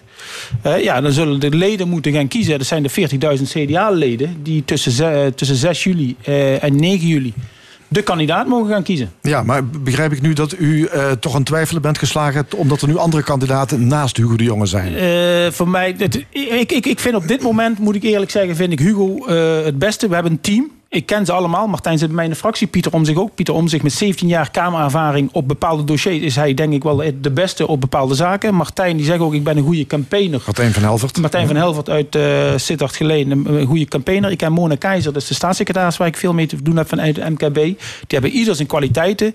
Als ik denk wat wij nodig hebben in deze fase als CDA... Dus het, het, het, verbindende tussen stad en platteland, maar ook tussen rijk en arm. Die zaken met het verhaal, want ik vind het verhaal is belangrijk, niet de persoon zelf. Ja, dan, dan, blijf ik toch nog op dit moment even, zeg ik, uh, Viva Hugo. Ja, maar u zegt het, uh, het verhaal is het belangrijkste. Ik denk uh, bij het CDA zie je ook heel erg dat de keuze voor een van die kandidaten ook een keuze is voor een richting van die partij. Veel sterker misschien dan andere partijen. een, een, toch wat rechtser CDA met Van Helvert of, of Keizer en wat linkser met de jongen. Nou, kijk, die, jongen die zegt we moeten terug met iets meer vanuit het, uh, een, een, uitgesproken midden. Daar ben ik ook van. Ik heb ooit in het strategisch beraad gezeten van CDA in 2012. Hè, dat, dat heette toen het radicale midden. Maar het uitgesproken midden vind ik goed. Pieter Omzicht, daar zie je ook. Op sommige dingen zit hij net rechts op het midden. Op sommige sociaal kwesties zit hij net links van het midden. Dus ik denk het traditionele links-rechts. Ja, ik denk meer in de vier kwadranten. Dat zie je nu ook bij politieke partijen. Soms in het traditioneel op een thema zit je rechts en dan hebben we ander links. Dus, maar het belangrijke, het zij en zij verhaal is wel de, de, de, de, de, de richting, de koers. Die we met z'n op het congres hebben vastgesteld. Ja, en dat zal dadelijk ook een afgeleide worden naar het verkiezingsprogramma. En er moet wel een match zitten tussen de persoon en de inhoud van het programma. Want als dat een mismatch is, ja, dan is uh, succes ver weg. Ja, bij D66 gaat het ook allemaal uh, erg makkelijk, uh, Rens Raamakers. of krijgt Sigrid Tot nu toe Kaag nog... één kandidaat. ja. Ik denk het, het verbindende verhaal van, van Sigrid Kaag het heel goed doet. Dat zie je ook vanochtend in de peilingen van Maurice de Hond plus 2. Dus dat is een mooie opsteker. Maar onze procedure loopt nog tot begin augustus. En we hebben natuurlijk bij het CDA gezien... dat zich altijd last minute nog kandidaten kunnen melden... Um, al denk ik wel, kijk, Keizer Alongre heeft natuurlijk aangegeven van ik ben niet beschikbaar, want ik ben er een tijdje uit geweest. Rob Jette vond ik een heel moedig verhaal waarin hij zei van, uh, nou ik heb het ontzettend naar mijn zin, maar ik zie gewoon iemand die, die beter is in deze taak. Uh, waarbij Rob Jette gelukkig ook wel beschikbaar blijft uh, voor de partij, uh, ja. eventueel voor de fractie te leiden, wellicht als we de volgende keer in de ja. regering te komen. Zal Sigrid dus, Kaag ehm, de grote klapper kunnen maken en heel progressief uh, Nederland misschien achter zich kunnen krijgen? Is dat een. Kan zij D66 groot maken? Ah, ik denk dat je dan moet kijken naar wat voor verhaal zij heeft. En ja. zij heeft Maar natuurlijk. het feit dat ze vrouw is, kan dat. Uh, dat speelt ook mee. Veel maar extra ik denk, kiezers ik denk aantrekken. Het inclusieverhaal, weet je wel, iedereen verbinden. Of je nou man of vrouw bent, hetero of homo, uh, autochtoon of allochtoon, uh, zwart of wit. Het maakt allemaal niet uit. En ik denk dat Sigrid Kaag die vrijheid voor iedereen. Uh, van je mag alles zijn bij D66 en D66 komt op voor alle soorten mensen die er zijn. Echt voor die, voor die individuele vrijheid van, van ieder.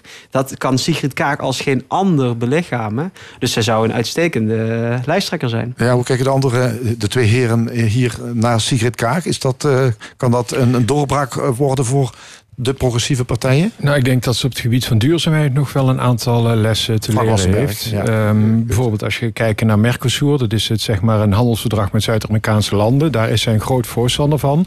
Maar je ziet dat in Brazilië op grote schaal regenwouden worden gekapt. Dat is allemaal Mercosur, dus we geven Brazilië vrij spel. En dat Oké. moet Sigrid Kaag leren. Dank jullie wel. Uh, Frank Wassenberg van de Partij voor de Dieren, Rens Raamakers van D66 en Mustafa Amous van het CDA. Straks in de stemming filosoof Chris Pind over de invloed van het weer op je innerlijke gesteldheid. Onze analist duurzaamheid Joop de Kraker over wat is de beste groene energie, zon of wind.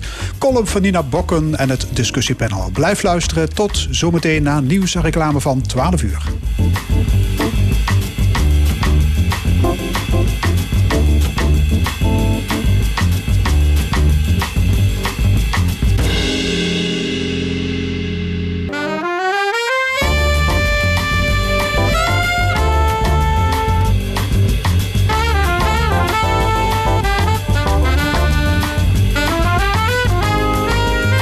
Stemming.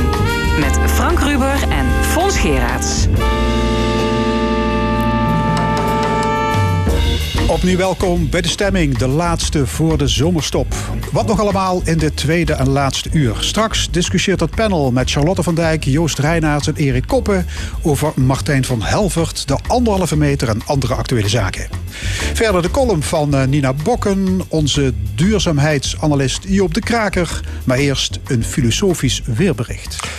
Pint schreef een boek over het weer, maar geen boek over hoge drukgebieden, hittegolven en nachtvorst. Pint is namelijk filosoof en dus trakteert hij zijn lezer op innerlijke weerservaringen. Het is een bundel opstellen over de schoonheid van het licht, het geluk van de nacht, de beklemming van de schemer en de troost van sneeuw. Aan de lijn Chris Pint, cultuurfilosoof en docent aan de Universiteit Hasselt. Meneer Pint, goedemiddag. Goedemiddag. Hoe kwam u op het idee voor zo'n boek? Wel, het, het, eh, het boek ligt in het verlengde van het eerste boek dat ik schreef een paar jaar geleden. De Wilde Tuin van de Verbeelding. Ehm, en, en de basisgedachte die ik daar had, ehm, had geponeerd was dat als je voor jezelf wilt zorgen, dat je ook moet zorgen voor je verbeelding. En meer bepaald dat je op zoek moet gaan naar, naar tegenverbeeldingen. Andere manieren om, om over jezelf eh, te denken en te spreken. En wat ik in dit boek heb geprobeerd is om, om een van die uh, vormen van verbeelding, de, de weersverbeelding, uh, om die te koppelen aan, aan, aan jezelf, aan je Ja. eigen, eigen ervaring, aan je eigen leven. Het boek gaat over weer, het gaat over emoties, over de invloed van ja, verschillende soorten weer op je gemoedsgesteldheid, ook op de uwe. Dus in die zin is het een heel persoonlijk boek. Had u daar geen moeite mee? Ehm, ja, ja, omdat het, omdat het ehm, afwijkt van, eh, laten we normale academische, academische teksten.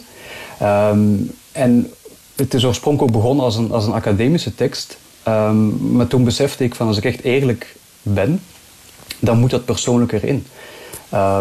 Dan, dan is het gewoon een deel van, van wat een weerservaring is. Het is juist dat heel intieme en dat heel eh, specifieke, dat gekoppeld is aan eigen ervaringen, eigen herinneringen, eigen gevoelens. Ehm, en vandaar dat het een soort van hybride is geworden. Eh, tegelijk een, een filosofische, cultuurfilosofische beschouwing. Maar eigenlijk een, een heel persoonlijk literaire, literaire tekst. Ja, maar het is geen pure, pure filosofie, het is ook geen, geen literatuur, het is ook geen handboek over meteorologie. Ja, het is wat u noemt hybride, Nee, het is een mengvorm. Ja. Ja. Ja. U duikt royaal in de kunstgeschiedenis. Hè, van Gogh, Matisse, Breugel, Rilke, Shakespeare, Kafka. Hè, iedereen die ertoe doet, komt voorbij. Hoe lang bent u al bezig met die, met die verzameling?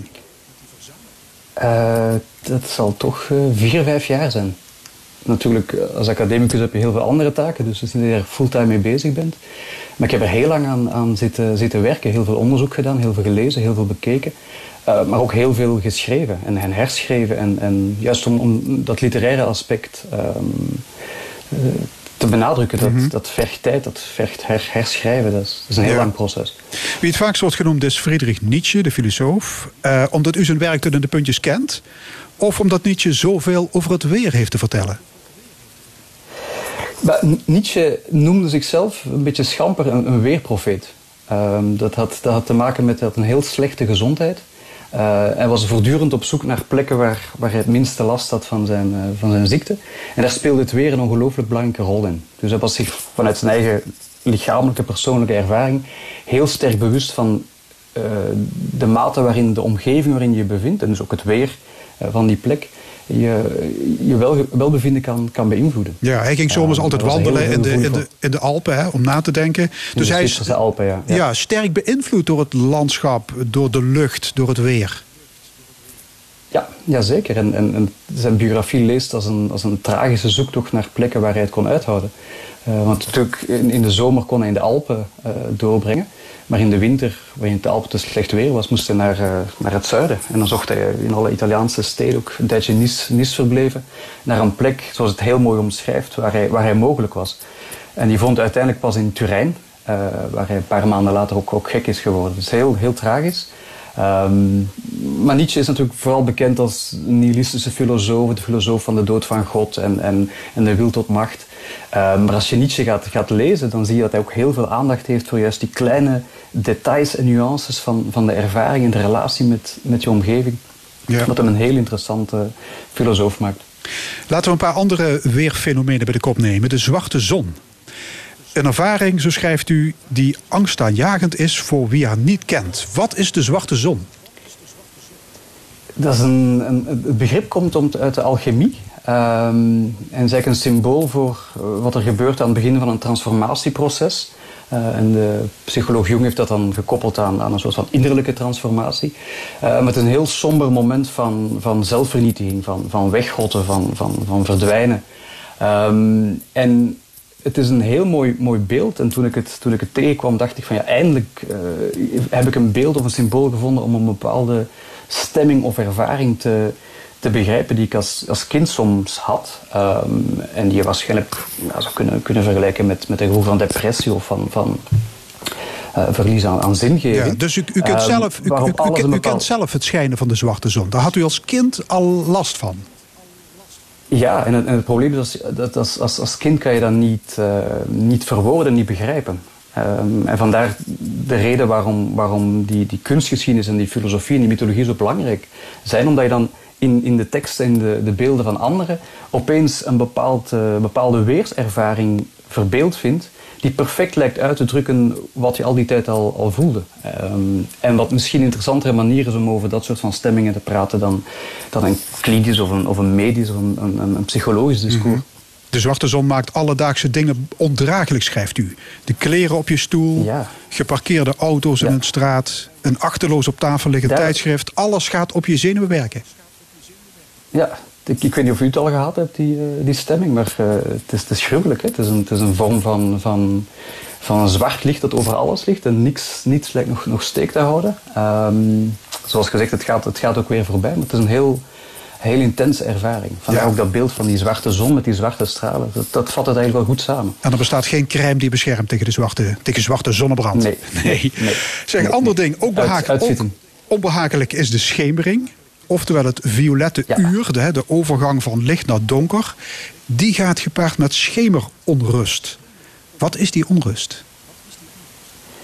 Het- Bij, bij, eh, bij het schemeruur is het, is het dubbelzinnig. Het heeft inderdaad een heel eh, sombere, melancholische kant. Eh, je kan het een beetje vergelijken met die kapot geciteerde zin van, ehm, van eh, Willem Elschot. Hè.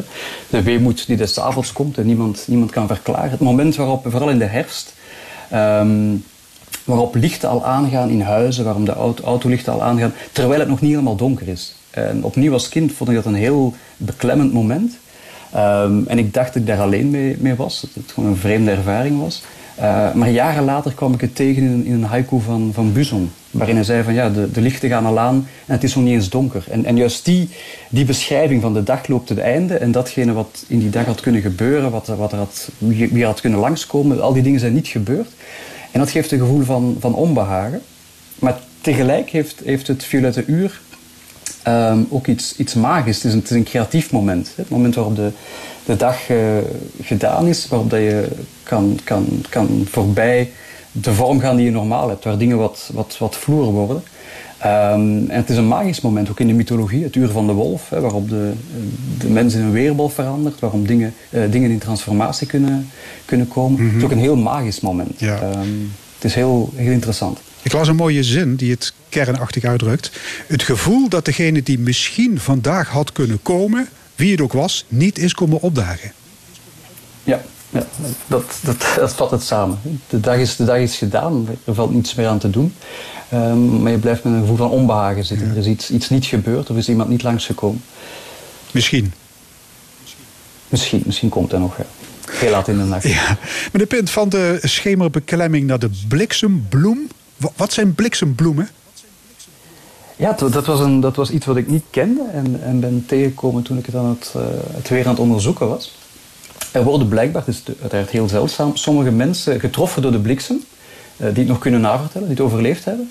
Maar soms laat de bliksem een soort van eh, heel vreemd patroon eh, na op hun huid, een soort van bloeduitstorting. Ehm, en, en die tatoeage die noemt men eh, bliksembloem. Ehm, en ik vond het wel een heel mooi beeld voor wat er gebeurt als je ehm, door een soort van figuurlijke bliksem wordt getroffen, waarin bepaalde krachten in je leven zich eh, hebben verzameld, net zoals dat een, een onweer zich zich begint te vormen en opeens zich ontlaat in een bliksemschicht. Een bepaalde ontmoeting met een belangrijk persoon die je hebt of een bepaalde levenskeuze die je maakt die zich bijna als een bliksemschicht eh, door je leven en door je lichaam eh, gooit. Eh, en dat laat soms een, een, een, een spoor na. Dat Ja. spoor is die, die En, da- en dat zegt iets over de enorme kracht van onweer. Is dat de reden waarom donder en bliksem in de kunsthistorie zo vaak wordt verbonden met de straf van God? Eh, ja, er zijn, er zijn eh, bepaalde eh, religiewetenschappers die stellen dat het, het idee van de god Yahweh, dat het oorspronkelijk een, een dondergod was. Dus dat, die eigenlijk als, als, dat de donder werd vereerd als een, als een goddelijke kracht. Juist omdat het een kracht is die zo overweldigend is, ja, denk je maar eens dat je de donder voor het eerst ervaart, zonder dat je weet wat, hoe dat elektriciteit werkt. Het moet een heel overweldigende ervaring zijn geweest, eh, die uiteraard ook heel vernietigend kon, eh, kon zijn. Ja. Eh, dus het is niet onlogisch dat het een religieuze, spirituele dimensie gekregen heeft.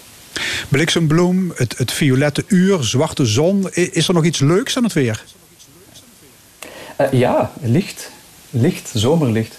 Eh, de manier waarop op, op licht, vooral in de zomer, uiteraard verschillende intensiteiten kan, kan leggen op, op, eh, op, eh, op dingen, objecten in huis, maar ook op, op, op mensen. Een soort van glans die er dan, die er dan komt. Het is een beetje het omgekeerde van de, van de zwarte zon.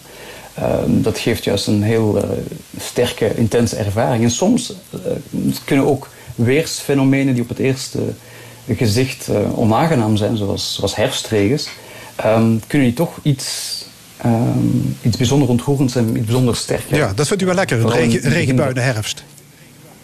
In, in de herfst. In het voorjaar ben je ze, ben je ze beu. Maar in, in de herfst, zo na, na een hete zomer, die eerste rustige herfstdagen, eh, waar je binnen rustig zit te werken en buiten is het aan het regenen en je ziet de, de plassen op het, op het platte dak. Ehm, dat heeft iets heel ehm, ja, rustgevend. En ook dat, ja, een, een, een zin bij Shay Sonagon, hoe hij het hoofdkussenboek eh, schreef. Eh, op bepaald moment zegt ze van ja, kijk, het, het, is opgehouden met regenen, maar het zou elk moment opnieuw kunnen gaan regenen. En dat vind ik een aangenaam gevoel. En toen ik dat las, dacht ik van ja, daar, daar, beschrijft ze het in de negende, eh, negende tiende eeuw eh, na, na Christus. Dus al heel, heel vroeg. Ja. Als u bij de bakker komt, hè, zegt u dan ook wel eens eh, lekker weertje vandaag? Eh, ja, ja. Dat, dat, dat is heel, het is heel fascinerend om, om te, te zien hoe, hoe praten over het weer. Ehm, de linguïstiek heeft daar, een, heeft daar een, een begrip voor, een fatische functie. Je, je communiceert. Ja, is goed, is goed het sociaal smeermiddel. Ja, ja, het enige wat je communiceert is van kijk, ik ben beschikbaar, we kunnen een praatje maken. Het moet nergens eh, heen gaan, we gaan zeker geen Ja. eh, filosofische discussie voeren, maar ik ben er. En ik, en ik, en ik aanvaard dat jij er bent en we communiceren heel over koetjes en kalfjes, maar ook over het, over het weer. Ehm, maar natuurlijk, ja, dat blijft aan de oppervlakte. Ja, bij de bakker ga je niet beginnen praten over... ehm, De geur van het regen na het onweer. En, en, en de geur van regen na het onweer of de over zwarte zon. Oké, het boek Meteorologie van het Innerlijk is verschenen bij uitgeverij Boom. Chris Pint, cultuurwetenschapper aan de Universiteit Hasselt, Belgisch Limburg. Dankjewel. Hartelijk bedankt. De Analist. Vandaag met analist duurzaamheid Joop de Kaker. Welkom Joop. Ach, Eh, jij stuurde een mailtje waarin je zei: Ik wil het gaan hebben over de regionale energiestrategie in Limburg. En over de Nederlandse Nobelprijs. Nou, dan gaan we dat doen. Hè. Eh, de regionale energie, energiestrategie. Eh, wat is dat eigenlijk?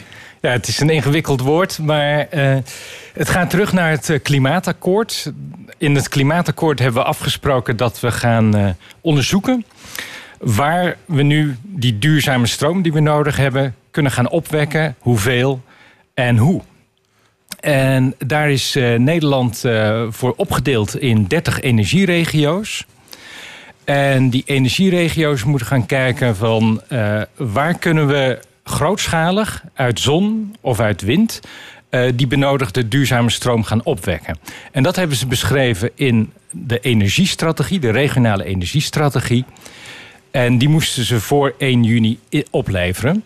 Eh, dus dat, eh, dat geeft een beeld. En het gezamenlijke doel is dan om op land uit zon en wind bij elkaar zo'n 35 terawattuur op te gaan wekken aan eh, duurzame stroom.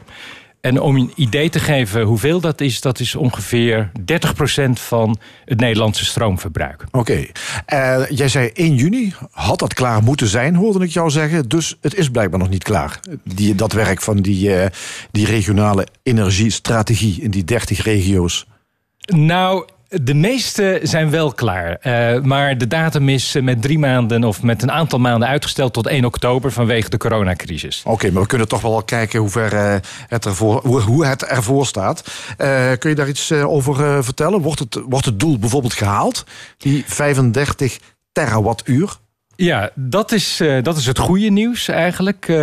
Als je alles bij elkaar optelt van de plannen die er nu liggen, dan kom je eh, ruim daarboven. Kom je op 40 eh, terawattuur. Eh, dus dat, dat lijkt heel goed en riant. Maar dat is nog maar afwachten. Er zitten veel onzekerheden bij. Met name over hoe het stroomverbruik zich in Nederland gaat ontwikkelen. En wat nou laatst in het nieuws was, was die komst van die datacenters in eh, de Flevopolder. Eh, die verbruiken enorm veel stroom. Eh, nou ja, de Googles enzovoort die die eh, datacenters uitbaten, die willen een goed figuur slaan, dus die willen groene stroom. Dus dat betekent dat bijvoorbeeld de helft van het, het stroomverbruik in Flevoland van de huishoudens gaat dan naar zo'n datacenter. Dat is allemaal gesubsidieerde stroom. Dus daar betalen wij eigenlijk flink aan mee als belasting, beta- belastingbetaler. Maar het betekent ook dat eh, je op andere plekken eh, meer moet gaan opwekken. Hè? Bijvoorbeeld, eh, bijvoorbeeld in Limburg. Ja. En dus, nou ja, zoals het er nu uitziet, op papier wordt het wel gehaald, het doel. Maar wat is, je zei, de meeste regio's die zijn wel klaar met hun werk. Wat komt daar voor beeld uit naar voren? Voor welk soort groene energie kiezen? ki- kiest men? Nou, dat is interessant. Je ziet dat ze eigenlijk allemaal een hele sterke voorkeur hebben voor zon en niet voor wind. En als je even nadenkt, is dat ook wel logisch. Eh, dat gaat gewoon om maatschappelijk draagvlak. Hè? Wat, is, eh, wat is haalbaar? Eh, tegen windparken is steeds heel hevig verzet geweest. En dat lijkt nog niet zomaar weg te gaan. En het idee is dat dat voor zonneparken minder is. Dus ja, dat is de reden dat je ziet dat er heel veel voor zon gekozen wordt. Maar dat heeft ook een, een keerzijde. Zonne-energie ehm, is veel duurder. Eh, dus eh NRC Handelsblad heeft dat laatst eh, laten uitrekenen. En de conclusie was dat door al die ja, plannen met een voorkeur voor zon... die hele transitie meer dan een miljard duurder zou gaan worden. Nou, hebben de regio's zich vooral laten leiden door draagvlak. Want die meerkosten die, ja, die zijn niet voor de regio's, maar die komen bij de Rijksoverheid en die komen bij de netbeheerders. Ja, wordt dus duurder, maar dan geen windmolens eh, in de tuin. Eh, dat is het idee. Eh, je had het over dus 30 regio's, van die, regio die regionale energiestrategieën uitwerken. Hoe zit dat in Limburg?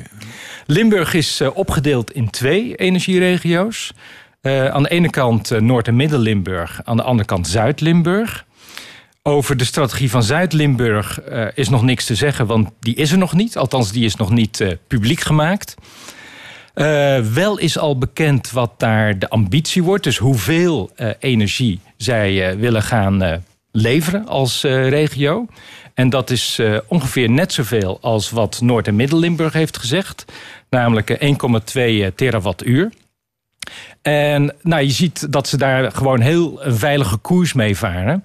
Want dat is precies het gemiddelde wat elke regio zou moeten leveren... om samen dat nationale doel te halen. Ja, dat was 30 terawattuur. Dus elke van die 30 regio's, als die er eentje levert, Ja. dan is het eh, voldoende. Klopt. Ja. En niemand voelt zich ook geroepen om meer te gaan doen. Eh, nou, kennelijk wel, want als je het bij elkaar optelt zit je op 50. Dus er zijn wel regio's die, eh, die wat meer doen. Eh, maar goed, hier in, in Limburg staan ze toch niet te trappelen om daar heel ambitieus in te zijn. Aan de andere kant willen ze natuurlijk ook niet ja, echt niet meedoen. Eh, dus, eh, maar goed, eh, Noord- en Midden-Limburg heeft hem inmiddels opgeleverd. Dus daar kunnen we wel kijken van hoe hebben ze dat nou gedaan? Wat, Ja, wat, wat staat daar nou in? Komt daar voor beeld uit daarvoor? Nou, ik, ik heb het eens doorgelezen en dan zag ik dat ze eigenlijk hadden ze daar niet zo'n hele moeilijke opgave.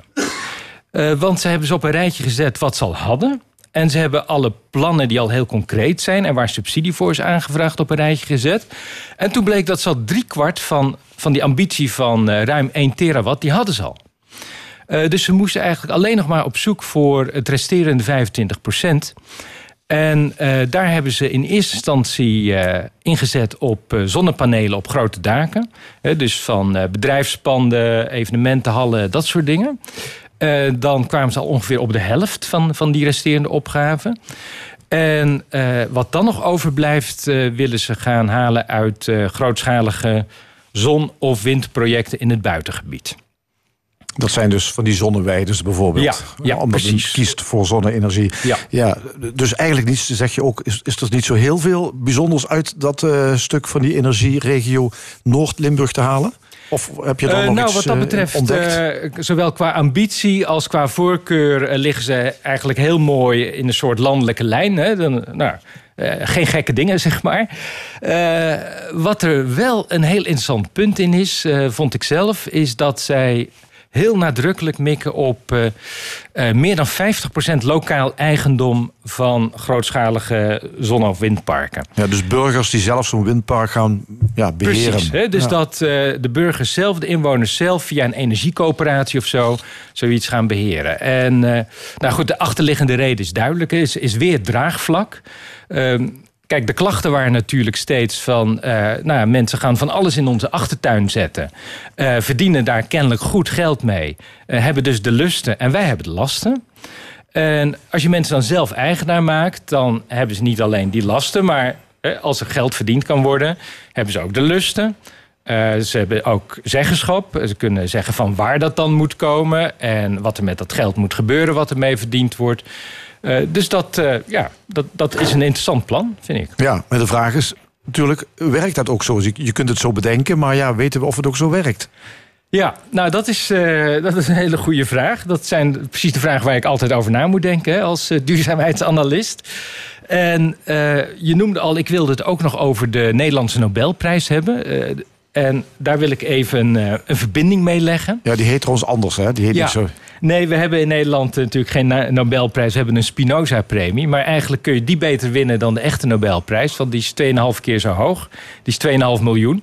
Dus dat is echt een eh, heel prestigieuze prijs. En afgelopen week, ik weet niet of je het gelezen hebt in de krant... maar zijn de zes winnaars bekendgemaakt. En het interessante deze keer is dat er ook een duurzaamheidswetenschapper bij zit. En dat is eh, Linda Steg. Zij is hoogleraar milieupsychologie in Groningen. En ze heeft heel veel onderzoek gedaan naar eh, welke factoren bepalen nou dat mensen milieuvriendelijke keuzes eh, maken, milieuvriendelijk gedrag vertonen. En als ik eh, dat eens samenvat, dan kom ik op ongeveer vijf factoren. Waarvan zij zegt van nou, die bepalen dat mensen echt ja, milieuvriendelijk kiezen en doen. En de eerste daarvan is eerlijkheid. Eh, dus de lusten en de lasten van vergroening moeten naar het gevoel van mensen eerlijk verdeeld worden. Dat, dat vinden mensen gewoon heel belangrijk. En het tweede is dat ze zich ook serieus genomen moeten voelen. Eh, ze moeten zich gehoord weten, zowel wat betreft wat ze graag zouden willen, maar ook waar ze bezorgd over zijn. En dan een derde factor die, die ook heel belangrijk is, dat geldt eigenlijk voor alle onze keuzes, is het moet niet te veel gedoe zijn. Het moet, moet niet te moeilijk zijn. Eh, je moet het mensen makkelijk maken om, om dat soort keuzes te maken. En dan, dan doen ze het veel eerder. En dan een, eh, nog een factor is eh, geld. Geld speelt natuurlijk altijd een rol in, in keuzes die we maken. Maar de overheid denkt vaak dat dat belangrijker is voor ons dan, dan dat vaak zo is. Eh, en dat heeft ook mee te maken dat eh, bij milieukeuzes dat financiële voordeel vaak ook niet zo heel groot is. Hè, dus die, die prikkel is gewoon ook niet zo sterk. En het laatste is eh, dat ehm, dat soort keuzes en gedrag eh, ook je positieve zelfbeeld moet versterken. Dus je moet echt het gevoel krijgen van: Goh, ik ben goed bezig, ik ben een goed mens, ik doe goede dingen. En eh, nou, dat, dat helpt dan ook om dat soort keuzes te maken. Ja, en als je dan gaat kijken naar lokaal eigendom, dus eh, van bijvoorbeeld een grootschalig zon- of windproject, dat burgers in de omgeving zo'n project beheren. past, eh, kun je dan zeggen van inderdaad, dat hier kun je de harten van de mensen mee winnen? Nou ja, kijk, als je ze naast die vijf factoren legt, dan, dan kom je een heel eind. Hè? Je ziet dat de lusten en lasten worden eerlijker verdeeld. Dus dat is goed. Eh, mensen worden heel serieus genomen, want je maakt ze zelfs mede-eigenaar. Ehm, er zit een financieel voordeel aan als het goed gaat. Eh, nou, je geeft mensen ook de gelegenheid om actief eh, bij te dragen aan de transitie. Dus dat is, dat is ook oké. Maar, hè, er zit een, een dikke maar aan. En daar wil ik ook mee afsluiten. Is dat eh, nou, die factor van gemak, het mensen makkelijk maken, ontzorgen. Ja, dat zit er nou net helemaal niet in. Hè? Dus eh, je maakt mensen mede-eigenaar. Je vraagt ze mee te investeren, risico te dragen. Eh, dat is nogal wat. Hè? Straks liggen mensen nog wakker van dalende energieprijzen of zo. Eh, dus dat is, eh, dat is spannend of dat inderdaad die andere factoren voldoende gaat zijn om mensen over de streep te trekken en inderdaad mede-eigenaar te willen worden van dat soort ja, initiatieven. Oké, we gaan het afwachten. Dankjewel, Joop de Kraker, voor de bijdrage. Graag gedaan. U luistert naar de stemming van L1, de laatste voor de zomerstop. Vandaag, 50 jaar geleden, was de slotdag van het roemruchte Kralingen Popfestival, het Nederlandse Woodstock. Topattractie was de Amerikaanse band The Birds. Turn, turn, turn.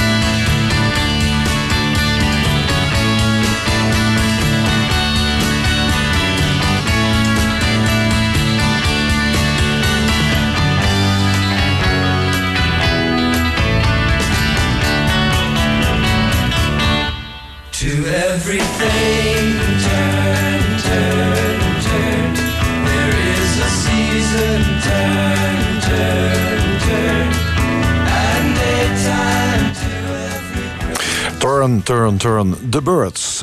Zometeen nemen we de actualiteit van de afgelopen week door. We bespreken onder meer de anderhalve meter maatregel... en de CDA-drom van Martijn van Helvert. Maar eerst...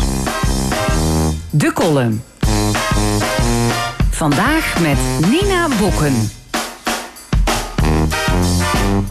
Nee, ik ga het niet weer hebben over de KLM vandaag. En ook niet over de financiële belediging naar het zorgpersoneel. Of over prioriteiten niet op een rij hebben. Nee, ik wil het in de laatste column van dit seizoen niet weer moeten hebben over hoe verbaasd ik ben. En ook weer niet over ons leervermogen, zelfs in een crisis. Daarom vandaag in plaats daarvan een stukje warme nostalgie uit mijn kindertijd. Want ik zat vroeger op scouting. Eens in het jaar hadden we met scouting Heitje voor Karweitje. Dat was een dag waarop er geld werd ingezameld voor de vereniging waar je bij zat. Je ging dan als scout langs de deuren om klusjes te doen voor een kleine gelddonatie. Die ging dan in een collectebus. Achteraf gezien vind ik dat toch wel een risicovolle onderneming. Kinderen in koppels langs onbekende huishoudens sturen om daar allerlei klusjes te klaren. En we vonden het toen soms ook wel een beetje eng. Ik weet nog goed dat ik een keer met mijn medescout binnen werd gehaald door een man waarvoor ik de afwas mocht doen. Tegen mijn vriendinnetje werd gezegd: Voor jou heb ik ook nog wel iets. Kom maar eens mee naar boven.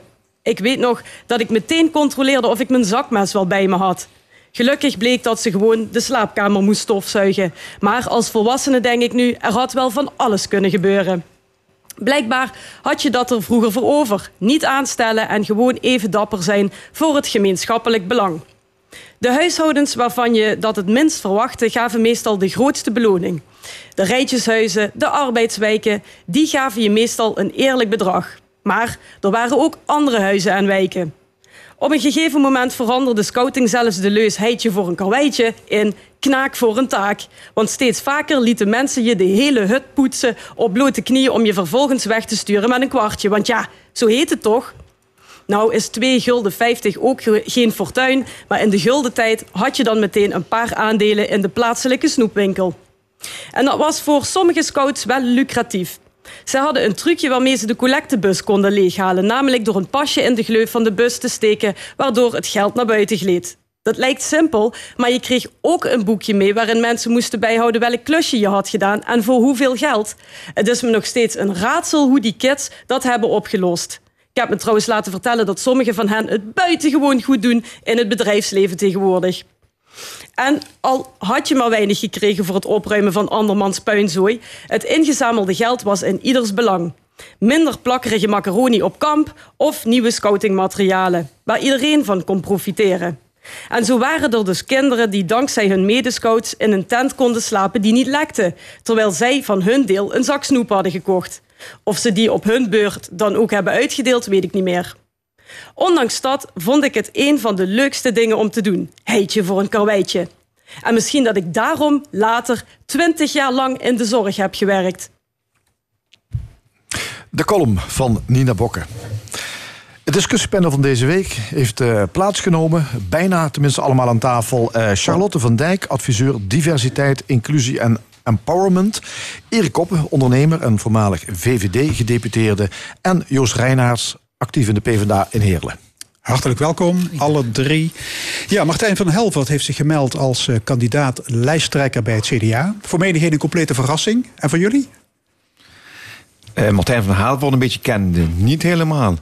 Eh, en ik moet zeggen, ik heb hem ooit al leren kennen. Zeer ambitieus en een goed politicus. Eh, dus eh, geef hem die kans. Of hij gaat redden, weet ik niet. Eh, dus ook goed dat Limburger naar voren komt. Eh, twee, en dan denk ik ook nog even... eh, ja, kijk even uit. We hebben als Partij van de Arbeid dit ook eens geprobeerd. Daar hebben we nog heel, steeds heel slechte herinneringen aan. Dus ben voorzichtig, CDA. Charlotte van Dijk? Nou, ik ken Martijn als heel laagdrempelig, goed te bereiken voor iedereen met hun vragen. Ehm, het is heel erg goed dat Limburg ook op deze wijze vertegenwoordigd wordt. Dat vind ik echt een pluspunt. Of die het redt, dat zal, het blijken, dat zal nog moeten blijken. Erik Koppen? Ja, ik denk dat het een hele slimme zet is. Eh Martijn is natuurlijk niet bij het grote publiek bekend. En het is wel een manier om te bouwen aan een carrière binnen, binnen het CDA voor de toekomst. Het zal hem in ieder geval een hogere notering op de CDA-kandidatenlijst opleveren straks. Dat denk ik wel, maar je moet niet vergeten... het aantal stemmers in het zuiden... eh, ja, dat is een druppel op de gloeiende plaat als je het vergelijkt met de Randstad. Dus mensen die uit de Randstad komen... die eh, hebben toch echt wel uh, mijlenver voorsprong... als het gaat om het aantal kiezers uit Klopt, die regio. maar Van Helvert speelt duidelijk de, de regiokaart. Ja, Zal hem dat extra maar- stemmen opleveren in de landen? Zeker, dat, dat gaat hem hier in ieder geval extra stemmen opleveren. Het je afzetten tegen de Randstad en aan willen geven dat je juist opkomt voor de buitengebieden, dat zal niet direct stemmen opleveren in de Randstad. Eh, tegelijkertijd zijn er nu drie heren die de stemmen verdelen en één dame. Eh, en ik denk als de stemmen gelijk verdeeld worden, zou die dame nog wel eens hele hoge ogen kunnen gooien. Ehm niet te ben, eh, ja, we juichen natuurlijk allemaal van harte toe dat we niet als een Calimero als Limburg kijken naar de Randstad, maar juist zeggen van wat kunnen we dan wel doen om de positie van Limburg daar beter tot zijn recht te laten komen. Maar maakt hij kans tegen de jonge keizer en eh, omzicht? Dat denk ik niet. Ik denk dat de strijd gaat tussen eh, de jongen en eh, keizer. Ehm, ik weet ook niet of het strategisch... Ik vind het goed dat hij doet als Limburger. Of het eh, strategisch slim is, weet ik niet. Eh, want ik denk dat je eigenlijk binnen het CDA nu wel een, ook een beetje een strijd krijgt tussen de jongen die ik dus een beetje echt een middenpartijman vind. En een beetje op, op, aan de rechterflank van het CDA een discussie. Nou, die discussie, eh, daar zijn drie eh, kapiteins die aas op die plaats. En, of twee kapiteins en één vrouwelijke kapitein. Dus ik kan me wel voorstellen dat het voor de jongen juist goed uitspeelt. Als ik dan ook hier toch zeg als sociaal-democraat, eh, die ik ook ben, dan zou ik wel gunnen dat bijvoorbeeld Mona Keizer lijsttrekker worden voor het CDA. Want als tegenstelling als Partij van de Arbeid moet je positioneren straks, zou dat wel goed zijn, vind ik. Ja, ik, eh, ik, ik ben er heel erg trots op dat, eh, heel blij op dat Mona Keizer zich heeft kandidaat gesteld. Ze is een hele goede eh, tegenkandidaat, heeft ook echt kans, maakt ook echt kans. Ehm, op deze wijze neemt ze natuurlijk ook heel veel vrouwen met zich mee. En ik vind, ja, ik vind de zichtbaarheid van, van vrouwen in de politiek vind ik gewoon echt heel erg belangrijk. En ehm, het is ook een kwestie, net als wat jij net zei, over het bouwen aan je carrière.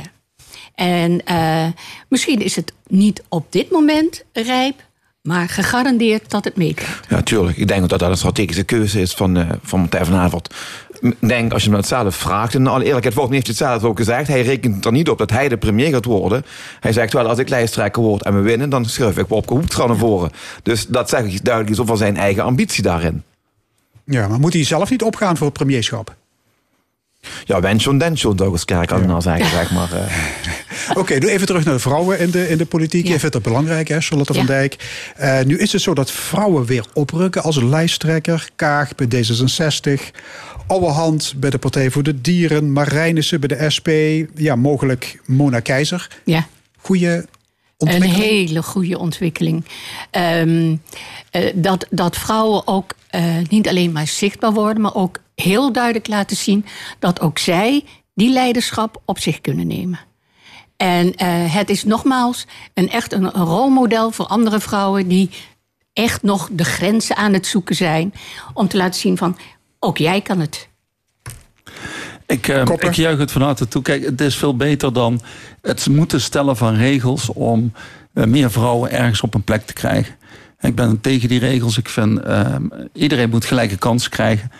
Eh, maar het is eh, alleen maar aan te prijzen als, als vrouwen vanuit zichzelf zich kandidaat stellen. En ik heb in de tijd trouwens in Limburg is de FAM heel eh, actief. En, en eh, ik ben daar vrouwen tegengekomen. Had ik nooit van gedacht dat ze zover zouden komen. Toen... FAM is het Vrouwen-Expertisecentrum. Ja, ja. inderdaad. En, eh, en die stimuleren dat in Limburg Mhm. heel erg. En ik ben meer voor stimulatie dan voor regeltjes om iets te bewerkstelligen. Mag ik daarop aanvullen dat het inderdaad zo is dat stimuleren echt heel hard nodig is. Voorbeeldfuncties, laten zien dat je het kan. Tegelijkertijd hebben we wel gemerkt dat regelgeving gewoon nodig is om toch die zichtbaarheid. Een quotum. die een quotum.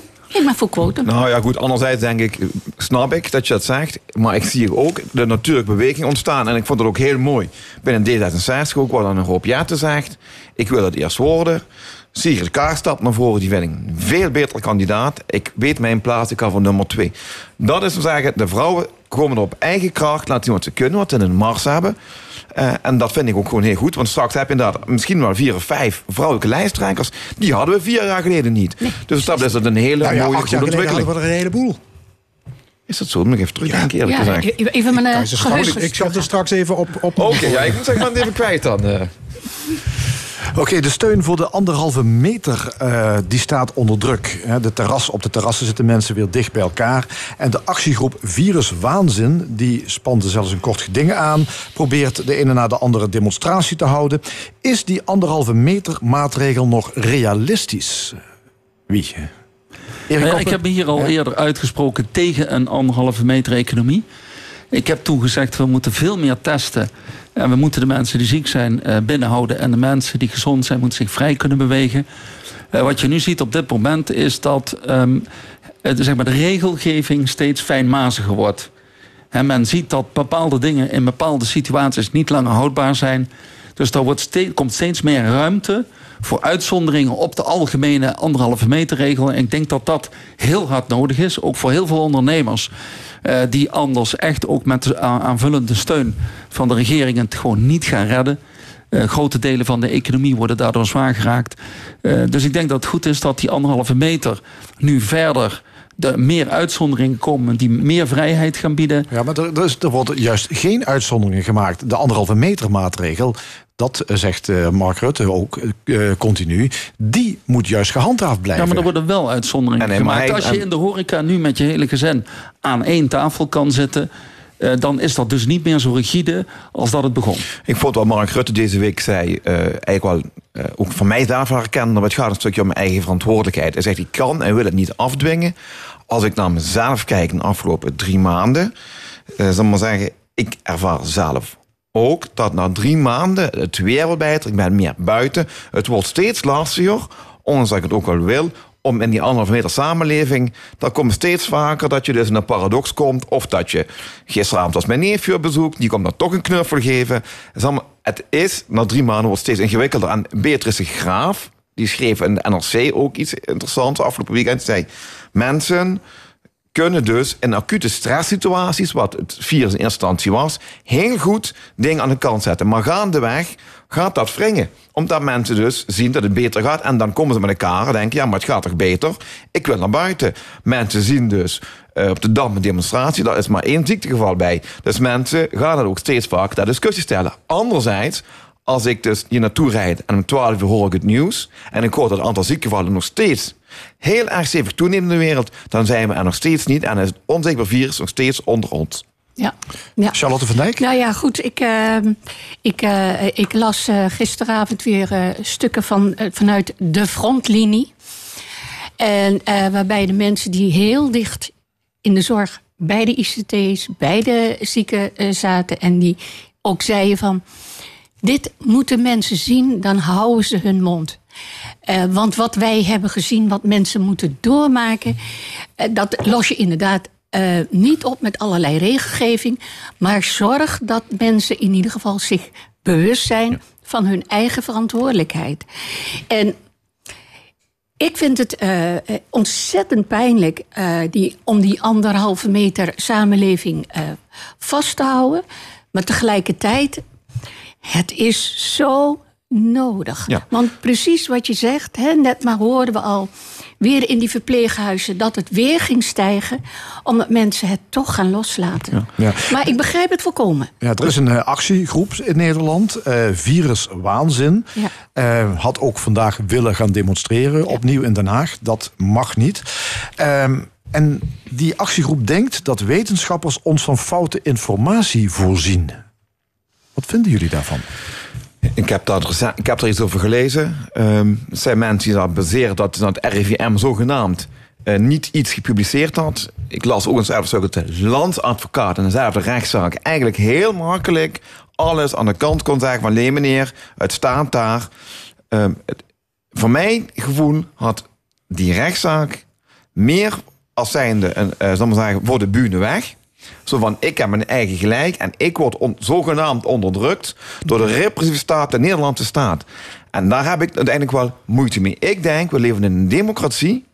Wij gedijen bij openheid. We zijn als land iedere week bijna meegenomen in de beslommeringen, bij de zorgen, bij de cijfers. Ik geloof daar dus gewoon uiteindelijk wel gewoon in. Ik neem dat serieus en ik vind dat het virus waanzin doet. Vooral het tweede gedeelte naar voren komt is waanzin. En dat zijn ze zelf. Ja. Is dit Ja. co- complotdenken bij viruswaanzin? Dit is pure complot, denk ik. Ik heb eh, gisteravond ook even naar de onderzoeken gekeken waar ze op wezen. Dat het allemaal best wel meeviel. Vervolgens werden die onderzoeken ook weer. e- Hè, want eh, die blokken heb je van eh, wat is nu wel waar en niet waar. En toen bleek dat het toch inderdaad vertekende beelden, beelden waren. En een- inderdaad, een onderzoek kan je uitleggen zoals je wilt. Maar je hebt het over eh, grondwettelijke vrijheid. Maar je hebt het ook over respect voor andere mensen. Juist. En ik denk dat de viruswaanzin wat dat betreft eh, goed tot eh, recht zou komen in, in een land als China. Maar in een land als, als Nederland, eh, ik denk ook als het gaat om transparantie. Kijk, je kunt wel je afvragen en ter discussie stellen in hoeverre moet alleen maar de medische kant, zeg maar, eh, doorslaan in het hele verhaal. Hè? In hoeverre, wanneer eh, eh, raakt het de economie zo hard dat het ook niet meer betaalbaar wordt en niemand te verantwoorden is. Maar dat is een heel ander verhaal dan dat je eh, in, in Nederland eh, instanties beticht van het verspreiden van onjuiste informatie. Ja, vind ik echt klinkklaar en nonsens. Ander nieuws deze week. Onze geschiedeniskanon is eh, aangepast. In de zogenoemde 50 vensters eh, wordt meer aandacht gegeven aan diversiteit, aan vrouwen en de regio. Floris V is verdwenen, net als Karel V en Willem Drees. En toegevoegd zijn Maria van Bourgondië, Johan van Oldenbarneveld, Anton de Kom en Marga Colompé. Wie houdt van geschiedenis hier aan tafel? Ja, ik denk van, ja, daar hebben we het onderwijs na aan Ja. tafel. Gewezen wordt naar Erik Koppen. Ja, Of Erik sorry, naar, eh, Ja, naar, Joost Reinaert. Nou goed, kijk, als, als, als jongen van de mijnstreek ehm, was ik wel trots deze week dat de mijnen een plaats krijgen. Ook nog een, een mijn in mijn geboortestad Kerkrade, daar zie je de foto. Ehm, dat vond ik aan zich wel heel mooi. Eh, twee, denk ik wel altijd. Als ik, heb de 50 plaatsen even nagekeken. Dan denk ik, het is wel ook duidelijk. Ja, je zou het een polderkanon kunnen noemen. Want dat is denk ik eh, na heel veel afwegen en weken en wegen tot het stand gekomen. En het doet misschien uiteindelijk niet eens recht aan de complexiteit van onze vaderlandsgeschiedenis is. Maar ik snap wel. Wat bedoel je met polderkanon? Nou, als ik Te, dus- veel, te veel Hollands. Nee, nee, nee, nee, nee. Oh. nee. Eh, Daar wil ik zo op terugkomen. Ik vind het, ik, ik, eh, ehm, het is een, eh, duidelijk een compromis. Het is een, comp- een compromis om te komen tot een vijftigtal punten waar wij als Nederland ons, ons allemaal in moeten herkennen. En dat eh, snap ik dat door tot een vrij vlakke lijst komt, omdat ik ook van mening ben dat onze vaderlandsgeschiedenis eh, veel gecompliceerder is met regionale componenten die eigenlijk ook van belang zijn, maar waar uiteindelijk bewust misschien nog niet voor gekozen hebben. Ehm, en dat je daardoor ook ziet van, ja, dit is eigenlijk een, een, een mat iets. Maar ik snap dat je zegt, we moeten een aantal punten meegeven aan onze jeugd. En tot die 50 komen we en geven we dat aan die mensen mee. Ja, maar, er is, maar er is nu aandacht besteed aan Limburg. Je zei het net Ja, dat- zelf. ja, daar was ik, daar was ik wel En trots. er is één venster gewijd aan kolen en gas. Ja, dus nou. de kritiek dat de kanon te Hollands was 14 jaar, 14 jaar geleden, heeft geholpen. Die heeft zeker geholpen. Ehm, anderzijds vind ik ook dat je dus, zal maar zeggen, je moet een Nederlandse brede kanon hebben. Dus ik zou dan ook een oproep willen doen, een regionale kanon, als Limburgse kanon. Nou, laat die dan toevallig ook hebben. en dan dacht ik, nou, dan gaan we daar eens even kijken, want ik denk, dat vind ik wel belangrijk, dat we onze eigen geschiedenis ook hebben. Maar wat blijkt dus nu, de regionale Limburgse kanon, die is uit 2009. En die is dus sinds die tijd niet meer geactualiseerd. Want je website werkt gewoon niet meer. En dan denk ik, als ze nou zeggen, we vinden het nou zo belangrijk dat Limburg gehoord wordt. Laten we allereerst beginnen om zijn eigen kanon op cement aan de werkende website te brengen. Erik Koppen. Ja, was, kijk, ik ben hier niet geboren en getogen. Ehm, dus ik, ik kijk daar misschien met iets andere ogen naar. Maar ik keek ook meteen naar die website van Limburg... die gefinancierd is door de provincie Limburg. En het viel me op, die website is niet veilig. Niet voorzien van een veiligheidscertificaat. Ehm, hij is niet actueel. eh, het Google Maps gedeelte werkt niet. Ehm, maar er zit een hele leuke, en dat vond ik wel leuk... er zit een leuke vergelijking in tussen de Nederlandse en Limburgse kanon. En dan zie je eigenlijk dat wij veel vroeger in de tijd starten. Als je praat over, hè, de, de, de, wat was het, de vuursteenmijnen. Ja, de, de bandkeramiekels en de de vuursteenmijnen. Neandertalers en noem ze maar allemaal op. Dan, dan zit je nog ver voor de hunnebedden... waar de Nederlandse kanon mee begint. En iedereen die je vraagt, heeft hier een andere mening over. Want iedereen vindt andere dingen uit de geschiedenis, denk ik. Ook ieder, iedereen die geschiedenis gestudeerd heeft... vindt andere dingen weer belangrijker... en vindt dat er dingen, andere dingen een plaats zouden moeten krijgen. En ook de maatschappelijke ontwikkelingen van nu. Denk aan de hele racisme-discussie. Die zullen al dit soort onderwerpen weer beïnvloeden. Want daar gaan mensen toch weer met andere ogen naar kijken. Dus het is iets wat actueel is, wat in beweging blijft. is ook goed. Maar ik denk vooral dat Limburg en heel veel werk moet gaan maken nu om de eigen website up-to-date te krijgen. Te zorgen dat die vergelijking klopt. Maar ook inhaken. Als je namelijk vindt als Limburg dat je te weinig tot je recht komt, dan is daar je plek om niet alleen aan te haken bij die Nederlandse kanon, maar die stukken in te vullen waarvan je vindt dat ze er eigenlijk in hadden moeten Ja. staan. Goed, ik wil even terug naar die landelijke kanon. Meer vrouwen, meer diversiteit. De Nederlandse Antillen zijn veranderd in het Caribisch gebied. Het venster over de grachtengordel is weg. Anton de Kom is toegevoegd. Is dit een noodzakelijke herijking? Of is het erg 2020, de waan van de dag? Ik, ik denk dat eh, je dit continu moet herijken. Eh, we, we, we, we leven in, eh, in een veranderende wereld waarin dingen. Wanneer telkens andere accenten gelegd worden, maar waarin ook zaken heel erg belangrijk worden in vergelijking tot tien jaar terug. En dat zal je dus elke keer moeten meenemen, want anders blijf je tegen, de, eh, tegen elkaar zeggen: wat is dit voor een statisch geheel? Ja. Hup, we maken 50 thema's en we proberen elkaar daarin te vinden. Nee, precies. Want je ziet, zal maar zeggen, in tijden dat we dan toch stevig hebben over identiteitspolitiek. ehm, eh, dat de, eh, de kanon daar ook eigenlijk wel een beetje een antwoord op probeert te geven. Ik vind ook goed dat daar ook gekeken wordt naar de mindere kanten in onze geschiedenis, waar wij, ons, waar wij ons als Nederland misschien niet van de beste kant op laten kijken. Nou, dat mag ook zo benoemd worden. Eh, ze hebben liever dat we het gesprek hebben, dan dat we dus uh, rukzichtloos eh, beelden omtrekken eh, in de Ja, stad. dus de, de, de vaderlandse geschiedenis om de tien jaar herijken, goede zaak. Ja, denk zeg ik je, blijft er even vanaf, Tijland. Nee, ja, maar dat is toch altijd zo. Dat, want wie geen oog heeft voor het verleden, is blind voor de toekomst. Eh, dus wat dat betreft blijft een zaak om daarnaar te kijken. Erik Koppen? Ja, dat, dat vind ik ook. Ehm, en en eh, natuurlijk over het verleden. Dan, je moet iedere keer weer iets inwisselen. Want je wordt gedwongen steeds, als je iets nieuws brengt, om ook iets in te wisselen. Ehm, maar iedere keer dat je dat doet, zul je zien, dat, dat is net als wat wij hebben gedaan. Ga je er ook weer opnieuw in verdiepen. Want het is interessant om te weten van wat is er dan veranderd. En dat, dat alleen al op zich al leidt weer tot discussie. Dus dat is goed. Ja, en, en wat, En wat jij net zelf ook zei, Erik, eh, dat eh, als wij vinden dat Limburg nog te weinig in beeld komt, dan is, zou toch een van de eerste dingen zijn om onze eigen Limburgse kanon goed bij te raken. Ja. Eigen verantwoordelijkheid. Ja, tot slot wil ik nog naar een ander onderwerp. Eh, er zijn in Limburg de komende 10 jaar tussen de 400 en 500 extra standplaatsen nodig voor woonwagens. Wat denken jullie? Gaan gemeenten die plaatsen inderdaad ook eh, aanleggen? Erik Koppen zie ik al van nee schudden. Nee, ik denk het niet. Ehm, ik denk toch, als je ook naar het verleden kijkt... wat we mee hebben gemaakt op woonwagenkampen... ehm, vaak de vormen van anarchie, grote eh, criminaliteit... maar vooral ook een tekort aan sociale controle... op eh, woonwagenplaatsen en, en parken... Eh, dan, dan werkt dat niet in het voordeel als je wil dat zoiets gerealiseerd wordt. Ik denk dat heel veel gemeentes ze liever zien gaan dan komen. En heel veel gemeentes beducht zullen zijn dat ze daarmee niet allerlei eh, zaken in huis halen die ze niet willen. Ja, maar eh, tot twee jaar geleden voerde de gemeente een uitsterfbeleid. Hè. Dat betekende dat vrijgekomen plaatsen niet opgevuld mochten worden. Maar dat mag niet meer. Dat is namelijk discriminerend. Dus ja, ze moeten eigenlijk wel. Ja, Reinaert. denk ik ook. Ik moet zeggen, ik, dacht erover na. Eh, een paar honderd meter van ons huis af ligt ook een woonwagenkamp. Ik heb er nooit last van gehad. Ik bedacht ook eigenlijk een aanloop naar vandaag dat er van alles over dacht. En eindelijk tot de conclusie kwam dat ik dus... ehm, ieder moet weten waar hij wil wonen. Of het een huis is, een groot huis is, een appartement is... een huis met wielen, een huis zonder wielen is. Ehm, dus ik wil die mensen naar een, een liberale vrijheid geven. Ehm, en dan moet ik zeggen, die mensen die vlak bij in de buurt wonen... daar heb ik ook nog nooit last van gehad. Dat snap ik, maar ik ben het helemaal niet met je eens dat dat niet het geval zou zijn. Want iedereen heeft de vrijheid om ergens een stukje grond te kopen, een vergunning aan te vragen.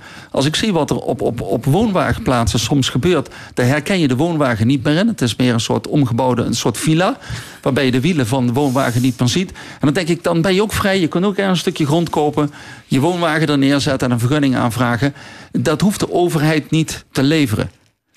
Nee, nee, jij duidt een beetje, volgens mij, is een beetje, ook een beetje het het wij zij. Het een beetje afzetten of buitensluiten van de samenleving, niet? Nee, nee, nee, dat niet. Maar er wordt net gedaan alsof, er dus, alsof je zelf niet in staat bent om een plaats te creëren.